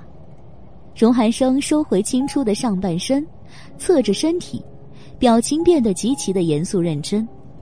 等这件事过去了，我们好好谈谈。谈。谈什么？我跟你有什么好谈的？那股莫名其妙的心慌又袭来，荣寒生却没再解释。有些事讲究天时地利人和，现在这个风口浪尖儿，确实不是谈论那些风花雪月事情的时候。荣寒生眸色转沉，瞥了叶朵朵一眼后，又恢复了一贯的讥诮口吻。回去记得拿个冰袋敷一下眼睛，跟熊猫眼似的，难看。熊猫眼，丫还讥讽他是熊猫眼。叶朵朵伸手一捂自己的眼睛，荣寒生，你这种人就叫做丧尽天良。我可是因为你才挨了打的，不来补偿慰问就算了，还说风凉话，我真是倒了八辈子血霉才跟你纠缠不清。他气急咬牙切齿的样子落进了荣寒生的眼里。散去了他眼中的沉重，他笑了笑，好奇的问道：“那你想我怎么补偿你？肉偿够不够？”你又一次败下阵来，叶朵朵偃旗息鼓了。得了，他还是别自己找罪受，跟他吵架了，拳头都挨了。这件事已经这样了，恼他也没用。看在他刚刚确实护了他的份上，他淡定吧。自我安慰后，叶朵朵沉默了。她刚把头扭向车窗边，前面伊森的电话就响了。接了电话，伊森也没说什么，只说了句“知道了”就挂了。电话挂断，他才回头看向荣寒生：“老大，别院那边说夫人在那边等您，您看这……”意有所指的目光瞟过来，叶朵朵知道。他想说什么了？他看向荣寒生，见荣寒生已沉了脸，便说道：“找间偏僻的酒店送我过去。”闻言，荣寒生脸上那暗色更浓重了几分。他没回叶朵朵的话，而是直接对伊森说道：“去碧水云轩那里。”碧水云轩那是什么鬼地方？叶朵朵不知道，反正有钱人房子就是多。还没容他提出异议，荣寒生又跟着多吩咐了一句：“调几个人过来，今天这种事，我不希望在我的地盘上再发生。”他的地盘，叶朵朵内心止不住吐槽他那听上去不可一世的口气。正想着，荣寒生的脸转向了他：“这是因我而起，又到了这种程度，我有义务保证你的安全，所以，从今天起，你住在哪里，出入可以。”我派人跟着你，到哪里都要跟我报告。记住。他突然停顿，探出食指，直接戳在了他那刚刚才被打了一拳的鼻尖上。不许说不。被打的鼻尖儿又被戳疼，叶朵朵瞬间拧眉，死开，好痛！他一脸痛苦，没好气的拍掉荣寒生的手。你是上帝吗？那么喜欢决定别人的事？这个时候，你有更好的办法保证？你不像刚刚一样被人暴打，荣寒生讥诮问道，微微扬起的眉宇间，先前的心疼和担心完全不见，只剩下让人想揍他的讥讽。叶朵朵无语了，想了想，她发现自己竟然无言以对。也对，她好像一时半会儿还真找不到更好的去处。哎，算了，为了自己的小命，听他一回吧。起码他看起来还比较可靠。说服了自己之后，他皱着眉，勉为其难的应道：“嗯，那行吧，先这样。不过你那边也快点儿，早点把这件事摆平，还我自由。”荣寒生没说话，笑了笑。车行到碧水云轩，叶朵朵才知道这里是一处高档别墅区，背山面湖。位置比荣寒生常住的那地方还偏远，不过处在风景区，景色很好，是个宜居之所。到了地方下车，还没进门，荣寒生就说道：“这里我没住过，不过有人打扫。你要是缺什么的话，让他置办。这几天我大概不会过来，有什么事给我打电话。”叶朵朵正闷着头往前走，听他这么说，停了一下。抬头看看他，又觉得没什么好说的，就只嗯了一声。还有就是，荣寒生继续说道，话却说了一半，人也站在主屋台阶前不动了。秋日的阳光洒在他的脸上，淡淡光晕的衬托下，他眼里的波光越加的潋滟无双。叶朵朵觉得眼前男人的光芒有些灼眼，只看了一眼就把目光垂了下来。还有什么事？搞得跟临终遗言一样，住几天而已，哪那么多事？心里想着，就听耳边飘来一句：“别想我。”一抬眼，荣寒生一张含笑的妖颜就大大咧咧的展现在眼前，并不会。翻了一记白眼，叶朵朵加快了脚步上了台阶，走到木质雕花大门前。叶朵朵又突然停了下来，扭头看向荣寒生。我真是好奇，你这样不调情会死的人，前面六年怎么过来的？你想知道？荣寒生大概是对这样的讥讽免疫了，波澜不惊不说，连带脸上那点笑都没散去，迈着长腿悠闲的晃到了叶朵朵的身边，他才微微低了头，薄唇一抿。轻声说道：“说实话，我以前对女人没这么大的兴趣。我现在怀疑，你在给我治病的时候，是不是给我下了什么蛊？怪我喽！”叶朵朵瞪眼，荣寒生煞有介事的点头：“你一定是一开始就对我用心不轨，想据为己有，对不对？”行，你狠，我说不过你了。人也送到了，你可以滚了。别让你母上大人等急了，没好气的嘟囔了一声。叶朵朵抬步上前，懒得再理会荣寒生，因为林芳如还在等着。荣寒生并没有在这里逗留很久，略停了十来分钟，他就走了。叶朵朵也不知道荣寒生回去之后，母子俩会不会爆发什么冲突，他只知道，这一天没到晚上。别墅里就来了几个看上去训练有素的人，不用问了，这都是荣寒生派来的。对这些人的到来，叶朵朵没提出什么异议。说实话，看着这些人，他心里还更有了安全感。不知道是不是因为他没怎么经历那种混乱又讲不清道理的场面。总之，他对大妈的那顿拳头心有余悸。看着这些人守在这里，他的心就安定多了。前两日他都没有出门，每天就扒在电脑前看新闻。反正这里吃喝不愁，有人保护，还有人伺候，他也不着急。只希望这件事儿早点被压下去。好在荣寒生也没让他失望。到了第二天黄昏的时候，网上的帖子基本就绝迹了。医院的助理也打电话过来说，那波记者被挡回之后，到现在也没记者再过来。医院那边算是安稳下来了。叶朵朵想着要不要早点出门重见天日的时候。荣寒生来了，说好的几天不来，三天不到就出现了。他的话果然一点儿都不能信。感谢您收听都市言情小说《总裁的恶魔小七》，欢迎收听都市言情小说《总裁的恶魔小七》，作者：初寒，演播：八一六合叶儿不轻。后期制作：千雪，由喜马拉雅荣誉出品。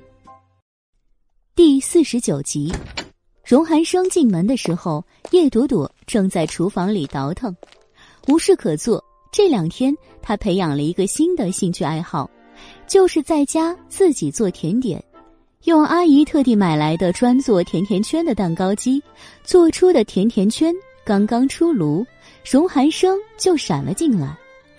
你这做的什么鬼？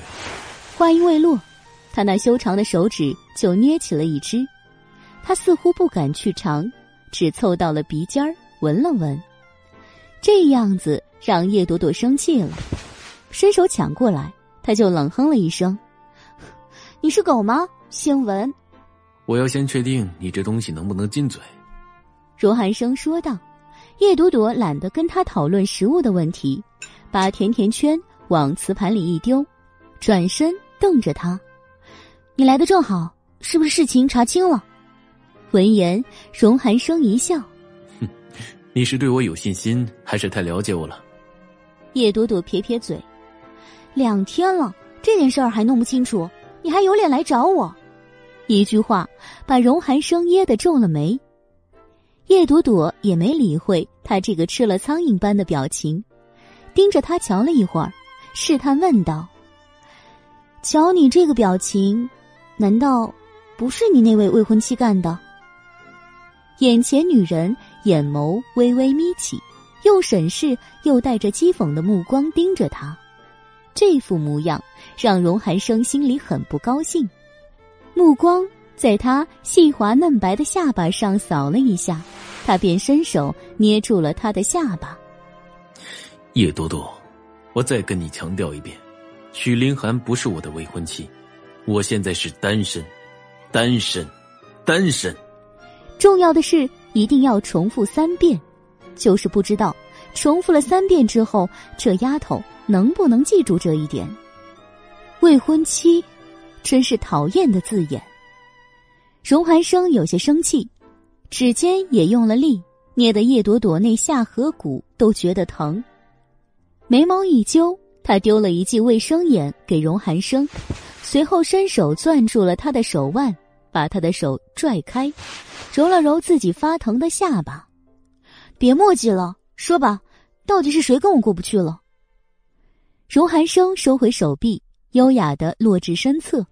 叶青言，卖消息给报社，找人在小区围堵你，都是他干的。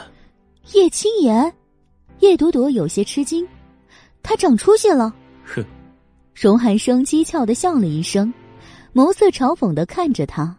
也只有你，小笨蛋！笨蛋就笨蛋，还小笨蛋！叶朵朵莫名的起了一身鸡皮疙瘩，离开厨房往客厅里走，想了想，他又冷哼了一声：“哼，看来上次给他的教训还不够，又来招惹我。荣寒生跟在他的身后，信步走着，清浅的目光落在他娇俏的背影上，展眉说道：“这次你打算怎么整他？要我帮忙吗？”你，叶朵朵回头不敢相信的睨着他：“你为什么这么自告奋勇的帮忙？”他也惹了我。荣寒生淡淡的说道，眼眸中掠出一抹折音般的光芒。叶朵朵盯着他，认真的想了一会儿，突然觉得这倒不失一个好办法。那叶青言到底是叶明远的心头宝，当年的事情他不清楚，但是自从六年前听了叶青言那番话之后，他仔细想了想，有些事情就清楚了。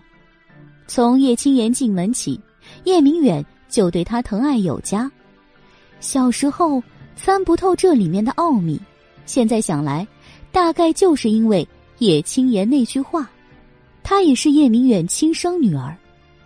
看来叶明远和梁芬根本早就在跟自己的母亲杨月琴结婚之前就勾搭在一起了，所以才会有一个比自己还大的女儿叶青言。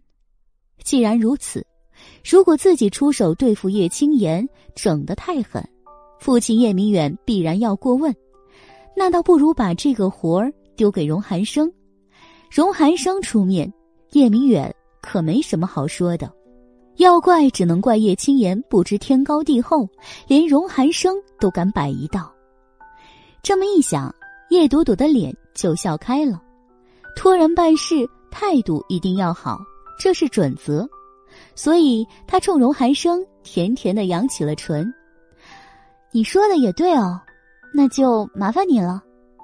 刚刚还一脸不高兴的对着他，现在见有利可图，变脸变得比翻书还快。荣寒生也是无力吐槽了。一句麻烦我了就行了吗？他问，盯着他的目光也开始灼热起来。叶朵朵目光一转，扭头看了厨房一眼。一句谢不够啊，那我请你吃甜甜圈啊，我亲手做的，味道好极了。不信你试试。想起刚刚那个两面都有些焦糊的东西，荣寒生胃里就是一阵翻腾。皱眉半晌，他才不高兴的哼了一声：“哼，那东西留着你自己慢慢享用吧。现在跟我出去吃饭。”他伸手像之前一样，自然的牵起了叶朵朵的手。都说了，习惯成自然。这被一个男人牵手牵的次数多了。竟也成了理所当然的事。刚好因为两天没出门，实在憋坏了，叶朵朵就这么愉快的跟着荣寒生出门了。叶青言的事，他生气，不过有了荣寒生的话，他也不再多想了，反正到时候等着看戏就行了，无需多想。现在他还是想想中午吃什么吧。让叶朵朵有点没想到的是。一顿午饭而已，还吃出了事故来。叶朵朵本来以为荣寒生只是牵她出来吃顿饭而已，到了地方才发现他竟似早有准备。车在市里七弯八扭的绕了一阵后，到了一家餐厅。从外面看看不出什么，只觉得装修风格典雅精致，让人看了舒服。进去后，那门童就把门关了。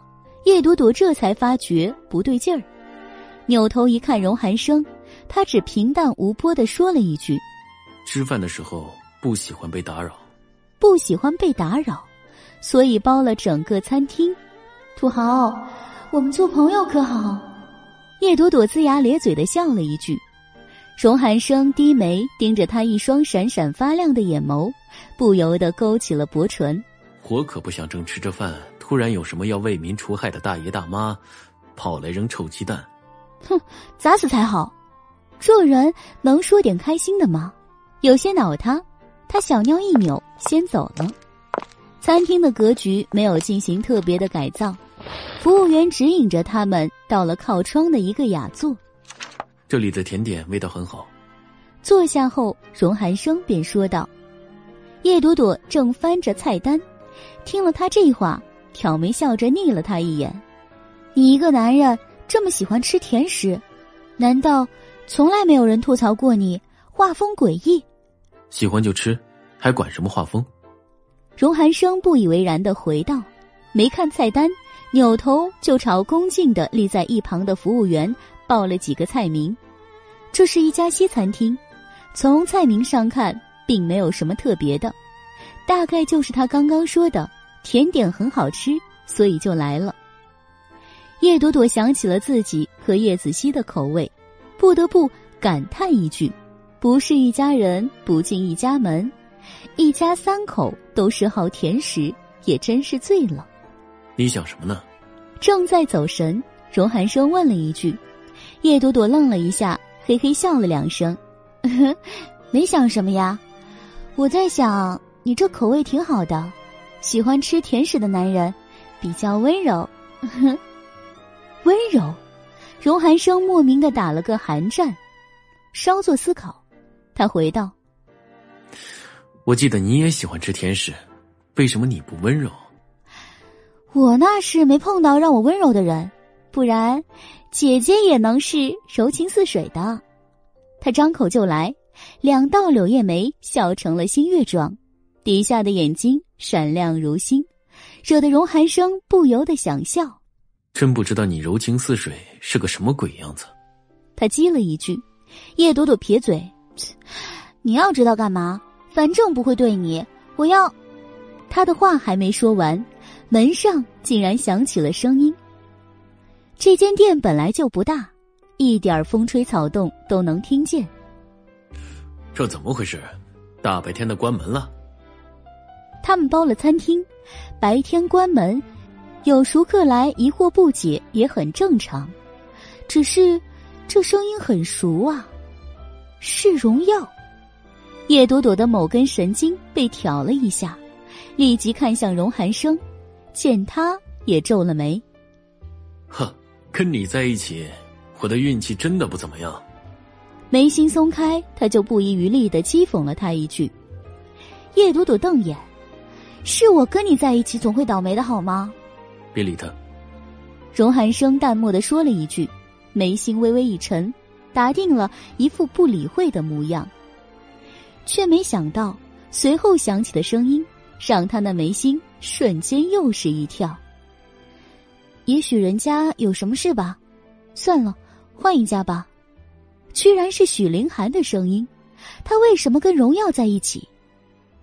叶朵朵有些吃惊，看向荣寒生，却见他脸上已经蒙了一层浓重的灰尘。门外，荣耀又说道：“算什么算？”你喜欢这家菜，没吃到岂不是不尽兴？你等一下，我找朋友问问，看能不能联系上老板，问问什么情况。听到这里，叶朵朵就若有所思的盯向了荣寒生。他说：“世界那么大，怎么他们也偏偏选了这么一家看上去不那么起眼的餐厅呢？感情是为了睹物思人来的。可问题是，就是睹物思人。”也不至于跟荣耀在一起吧？叶朵朵眉毛微微的揪在了一起，看荣寒生面色已然铁青，他也识趣的没吭声。门外，许凌寒又说了几句，还在劝荣耀别那么费事儿。他们两人还没走，叶朵朵就发现荣寒生似乎有些坐不住了，他那双本来自然轻松放置在桌上的手。都不自觉的攥紧了，甚至他能看见他手背上抱起的青筋。瞧这样子，毋庸置疑他在生气。可他为什么要生气呢？许凌寒跟荣耀在一起，他为什么反应这么大？叶朵朵探究的盯着荣寒生，不由自主的咬紧了唇瓣，思考着这个问题。店内静谧。服务生拖着盘子上菜的时候，门外的许凌寒终于把荣耀给劝走了，安静下来了，没人打扰了。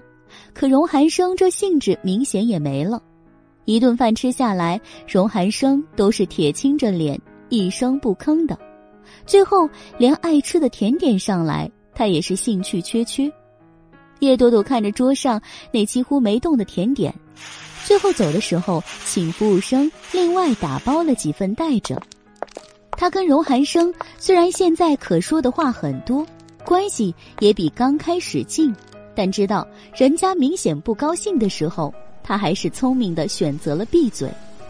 一路无话，到碧水云轩的时候，荣寒生连车都没下。叶朵朵知道他心里装着许凌寒的事儿，也没再说什么，只是开门下车的时候，把打包回来的甜点往他身旁推了推。你喜欢吃的，中午没吃，带回去吧。荣寒生一直阴沉的脸，在低眉看了那两个白绿相间的包装盒一眼后，才稍稍缓和。他抬手，轻轻的附在了包装盒上。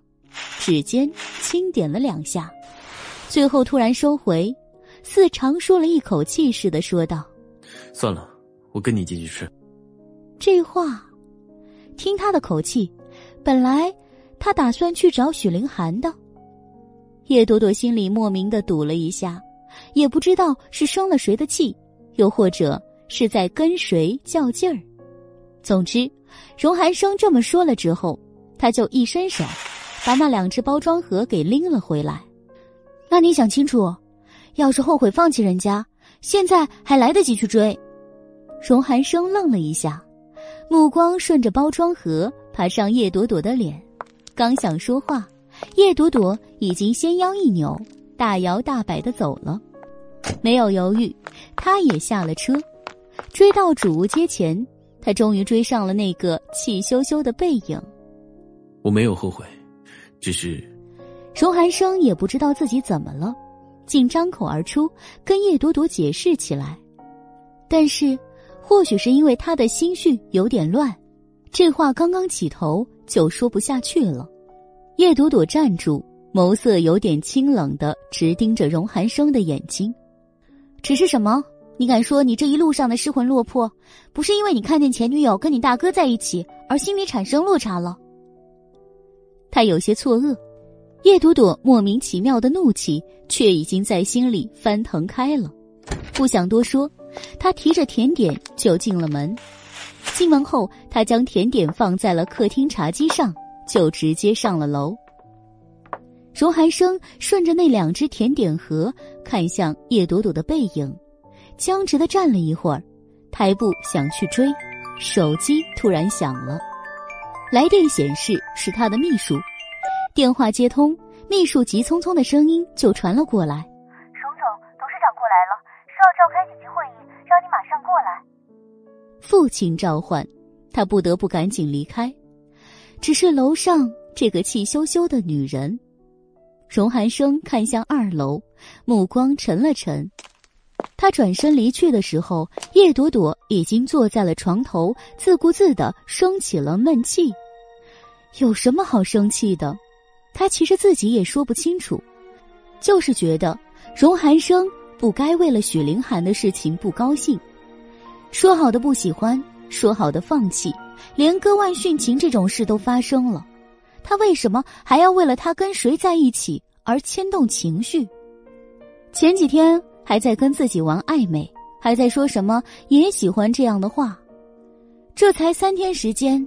见了前女友跟别人在一起，心里又不是滋味了。荣寒生，你可真够，还想左右逢源呢，想得美！你越想越生气。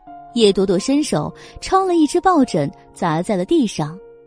那只素青色的抱枕落地时，他又开始骂自己了：“叶朵朵，你疯了吗？人家想人家的前女友，跟你有一毛钱的关系吗？”你这是生哪门子气呀？对呀，他到底生哪门子气呀？到现在为止，荣寒生也没正式跟他说过喜欢他呀。人家不过就是玩玩暧昧，兼控制不住欲望的时候来个霸王硬上弓。除此之外，有什么呢？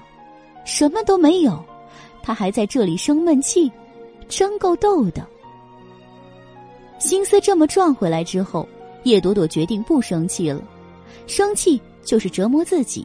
荣寒生又不知道，说不定人家正在去找前女友的路上呢，何必呢？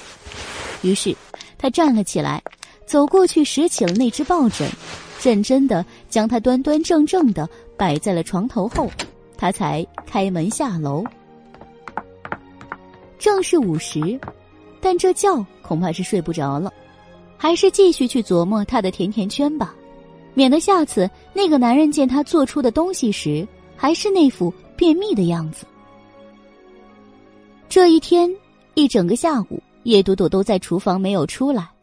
他简直是报复性的做了一大堆甜甜圈出来，欣赏着自己的杰作时，他又来了主意，找了几只保鲜袋，将所有的甜甜圈都打包封好之后，他叫来了一个保镖，去，把这些都送给荣寒生。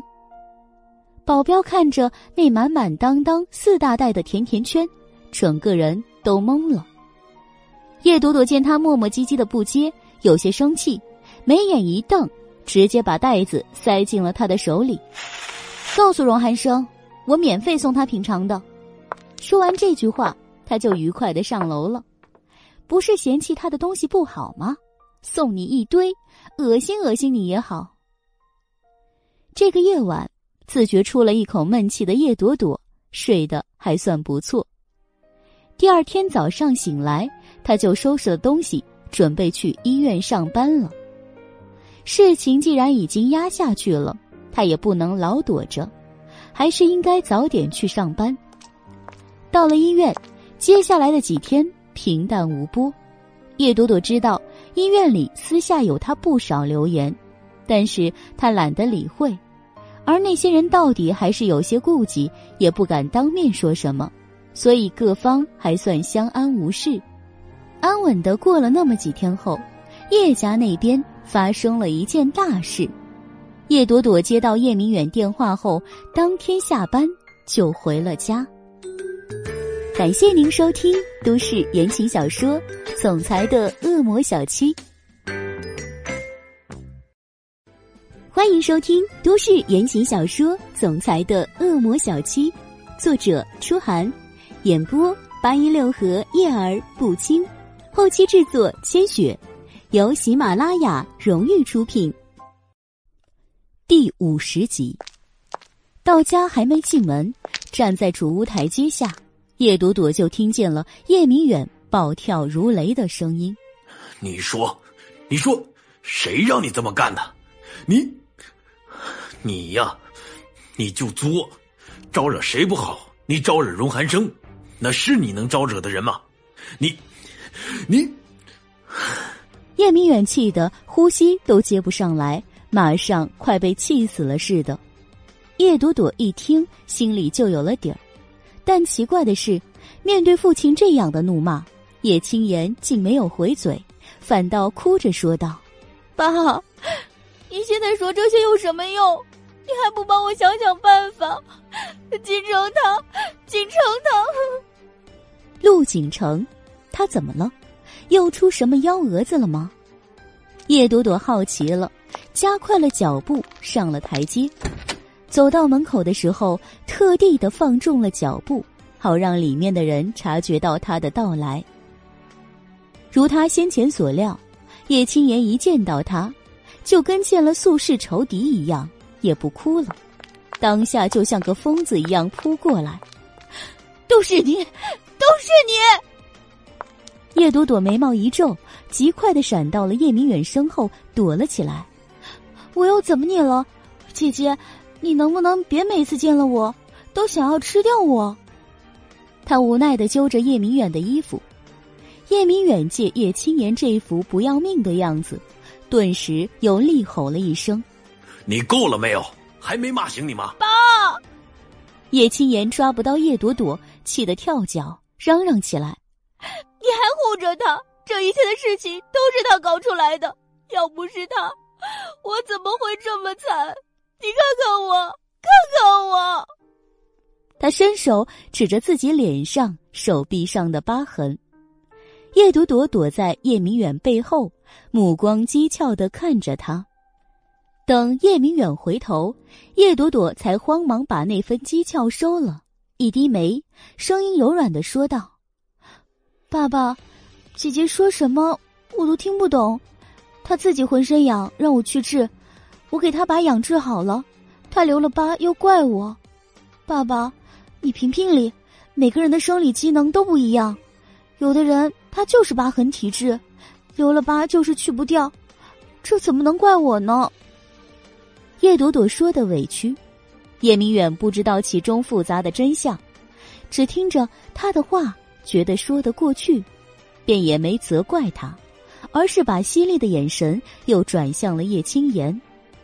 青言，你说你这脸怪朵朵。你有证据吗？没有证据，你就胡乱冤枉你妹妹。证据，这是叶青言心头的痛。他也想到了证据这个东西，可关键是当初抹那个药粉的时候，他哪想到后来有这些事呢？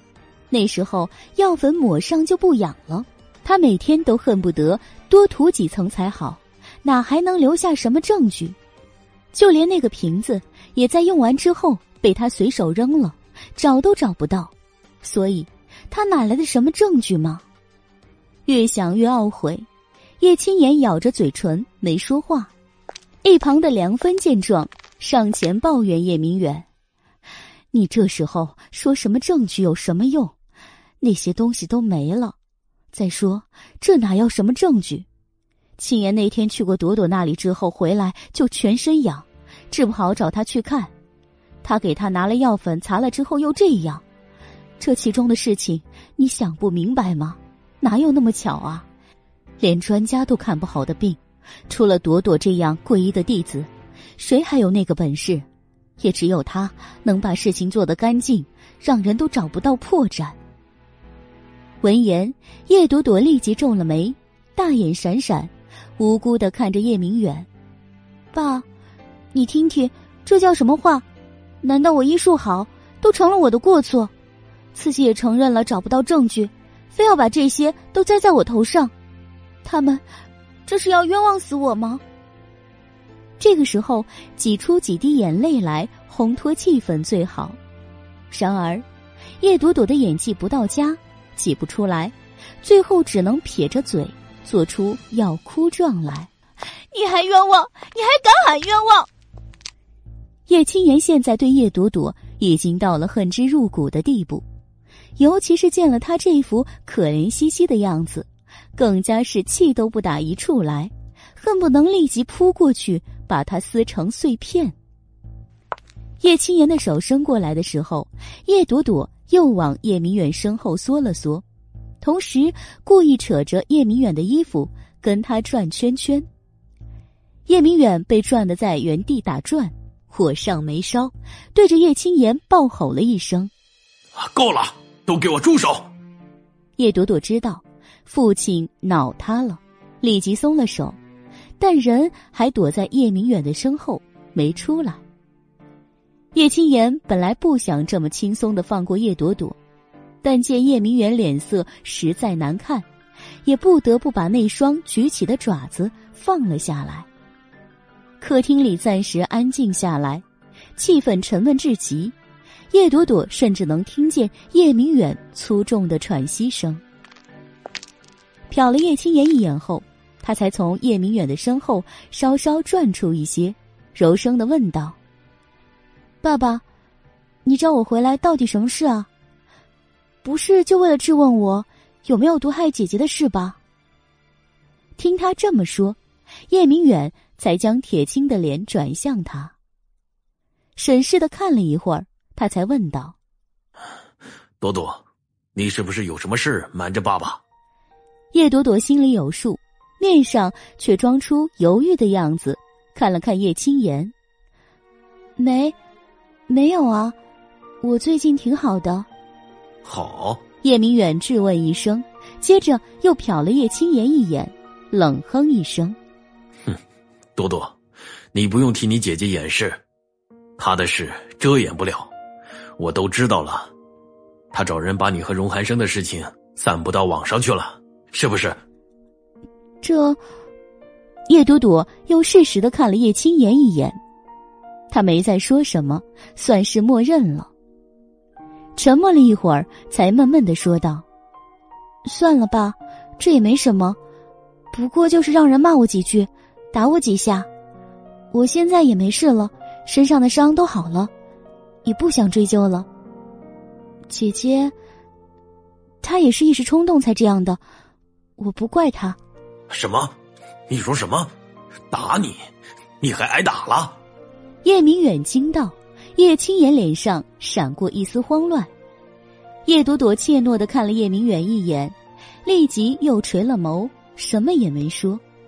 你，叶明远转身一指叶青言，气得扬起了巴掌，但最终，他那巴掌也没落到叶青言的脸上，而是做了做样子之后，又气愤的空甩了下来。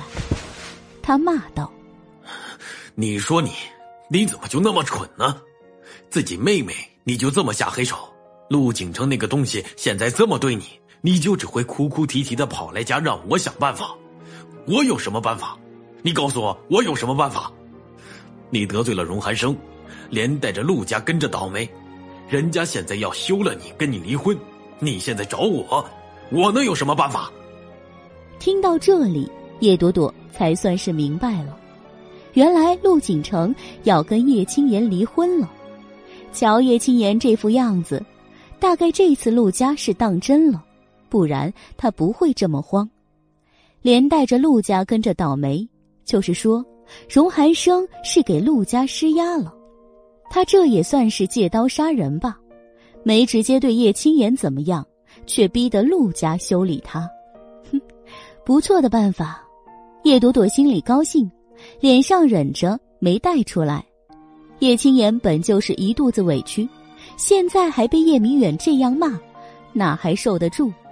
不过，这次他也没再说什么，而是看向了梁芬，那意思是让他帮忙。梁芬心疼女儿，张口便说道：“明远，你这话怎么能这么说？怎么叫连累陆家？”谁知道是不是他们陆家自己得罪了荣家，才招来了祸事？什么都怪我们青言，我们青言这些年跟着他，哪点对不起他了？他自己呢，在外面沾花惹草的，还有点正形吗？听梁芬说到这里，叶朵朵就有点烦了，她可懒得听叶青言和陆景城那堆破事儿，而且叶明远叫他回来。难道是为了管这件事的？他又不是红娘，管得了这么多吗？心里鄙夷，脑子里一转，他便对叶明远说道：“爸，你让我回来，不会是让我劝姐夫别跟姐姐离婚吧？这我可没办法，那是他们夫妻的事情，我哪管得了那么多？”叶明远看看他，又冷眉冷眼的扫了梁芬和叶青言一眼，才说道。这倒不是，陆景城那个脾气，你劝是没用的。现在是这样的，陆家现在虽然说非要跟你姐姐离婚，但我想他们也不是那么绝对的。这件事由荣寒生而起，想必也只有荣寒生能帮上忙。那，您这是什么意思？叶朵朵已然明了，却故意问出。叶明远沉默了一会儿，皱紧了眉头说道。你跟荣寒生关系密切，你去跟荣寒生讨个人情，让他高抬贵手放了陆家，你这个人情，陆家自然会看在眼里，自然也不会跟你姐姐离婚了。说完，他停了一下下，语气加重了几分，语重心长的又道：“朵朵啊，其实，爸爸也很不喜欢陆景城这个人，当年他那么对你。”爸爸就很有意见的，但是你应该知道，陆家就他这一个儿子，那么大的产业都攥在他手里。你姐姐还年轻，以后生孩子的机会还会有很多。只要他能生出个一男半女来，陆家的产业至少有一半是他的呀，总比现在当牛做马几年被赶出来要好。停了一会儿，他又说。所以，朵朵，爸爸不管你跟姐姐有多少矛盾，这件事你一定要帮忙。这婚是一定不能离的。如果要离婚，除非现在就分一半的产业给你姐姐，否则陆家想都别想。叶明远一口气说了很多，越说越气愤，话到最后，脸上都迸发出了一层狠光。叶朵朵听到这里，算是彻底明白了，合着着急的把他叫回来，就是为了给叶青言帮忙的。什么产业？呵呵哒，要回来了，能分给他叶朵朵一毛吗？答案，别做梦了。叶朵朵其实也知道他爸叶明远的心思。事实上，他们的爹也不是全然为了宝贝女儿叶青言着想。陆家的产业他自己有惦记。事实上，在某种程度上讲，叶青言只是他伸向陆氏的一只手。他想通过叶青言来控制陆氏，好让陆氏为自家公司叶氏谋利。从这个角度来说，在这盘棋里，叶青言和自己一样，都是父亲的工具。叶朵朵心中冷笑，脸上却长眉微蹙，一脸凝重的盯着叶明远，似在思索。考虑了一会儿，他才用一种颇为认同的语气说道：“嗯，爸爸，你说的对，陆家现在这么对姐姐，确实太过分了。不过，爸爸，说实话。”这几天我也联系过荣寒生，可他根本不理我，也不知道是怎么了。他做若有所思状，抿抿唇，又看了看叶青言，才似恍然大悟一般。难道是他把这次的事情也怪到了我头上了？言下之意，自家姐姐惹事，连累他荣寒生坏了名声，他也迁怒于他叶朵朵了。这个理由实在是太有逻辑，太顺理成章了，所以叶明远那脸当场就黑了八度，狠狠的瞪了叶青言一眼后，他又转向叶朵朵，目色柔和却凝重的说道：“朵朵，爸知道这件事你委屈，可眼下你姐姐这边情况急，你还是要想想办法呀。这几天气头上，你就别去找他了。”等过几天他气消了，你再找他谈谈看。若不是早经历过那么多事，叶朵朵真难相信这种话是从亲生父亲嘴里说出来的。当他女儿是什么呢？交际花，就差没直接往荣寒生的床上送了，可真是够奇葩的。心早就伤透了，叶朵朵现在也没什么伤心的感觉了，甚至连气氛都没有。他只是紧抿着唇，低着眉头，似在思考。这时候，许久没开口的梁芬也凑了上来。论变脸，梁芬比叶青言擅长许多。许是见到了求人办事的份上，他刚刚脸上那层厉色也没了，换上了一副求人办事该有的表情。朵朵，你爸说的对，这件事，青言确实做错了。不过已经这样了，怎么办呢？我们还是一家人，不是？要是你姐姐真被陆家赶出来，你这个当妹妹的脸上也无光啊。所以朵朵，阿姨求你了，你就再帮帮你姐姐一次吧。刚才阿姨怪你是阿姨不对，阿姨给你道歉行吗？说着，他的手抓住了叶朵朵的胳膊。一双眼睛急切渴望的看着叶朵朵，触到他的眼神，叶朵朵心里就给他点了一百个赞，不为别的，为的是这演技实在太好了，都可以去角逐奥斯卡影后了。刚刚还一副恨不能吞了他的样子，两分钟的时间就扮得这么可怜兮兮，这演技也是让人不服不行的。懒得多看梁芬虚伪的脸。叶朵朵也没对梁芬说什么，只直接看向叶明远。好吧，爸爸，我试试看。不过你们也别急，荣寒生不是什么好脾气的人。我想这事儿一天两天恐怕不行，得多等几天。嗯，你说的对，起码要等他消了气才好说。不过，叶明远看着叶朵朵，脸上突然扯出了笑意。他伸手慈爱轻柔的拍了拍叶朵朵的肩膀，欣慰赞许的口吻说道：“不过爸爸相信我们朵朵的本事，荣寒生脾气再不好，这件事你也有办法的，对不对？”现在叶朵朵除了想吐之外，他已经没有什么可说的了，所以他干脆闭了嘴，只勉强的笑了笑。这事儿谈到这里，梁芬也满意的给叶青言使了个眼色，那意思是让叶青言这时候也过来说几句软话。可叶青言还犯着牛脾气，看见梁芬的暗示没过来，反倒瞪了叶朵朵一眼，冷哼了一声。梁芬拿他没办法。只得尴尬的笑笑，对叶朵朵说道：“啊，瞧你姐姐这脾气，这几年你不在家，她一个人无法无天的，脾气见长了。朵朵啊，你别见怪啊，这几天阿姨一定让她跟你赔不是。不用了，阿姨，没关系的。”叶朵朵乖顺的说了一句，没看叶青言，直接看向叶明远：“爸爸。”这事就这么说定了，过几天我去找荣寒生试试看。现在我有点累了，先上楼去了。哎，好好，你先上去休息吧。哦，对了，晚饭还没吃吧？我们也没吃，等你呢。不用了，爸爸，我在医院吃过回来的。一起吃，他怕消化不良。他说完，叶明远也点了点头，没有再说什么。叶朵朵直接上了楼，进了自己的房间，才靠在门上长舒了一口气。这家里的气氛让他觉得压抑，跟这些人周旋，更让他觉得累，真是越来越不想回到这里了。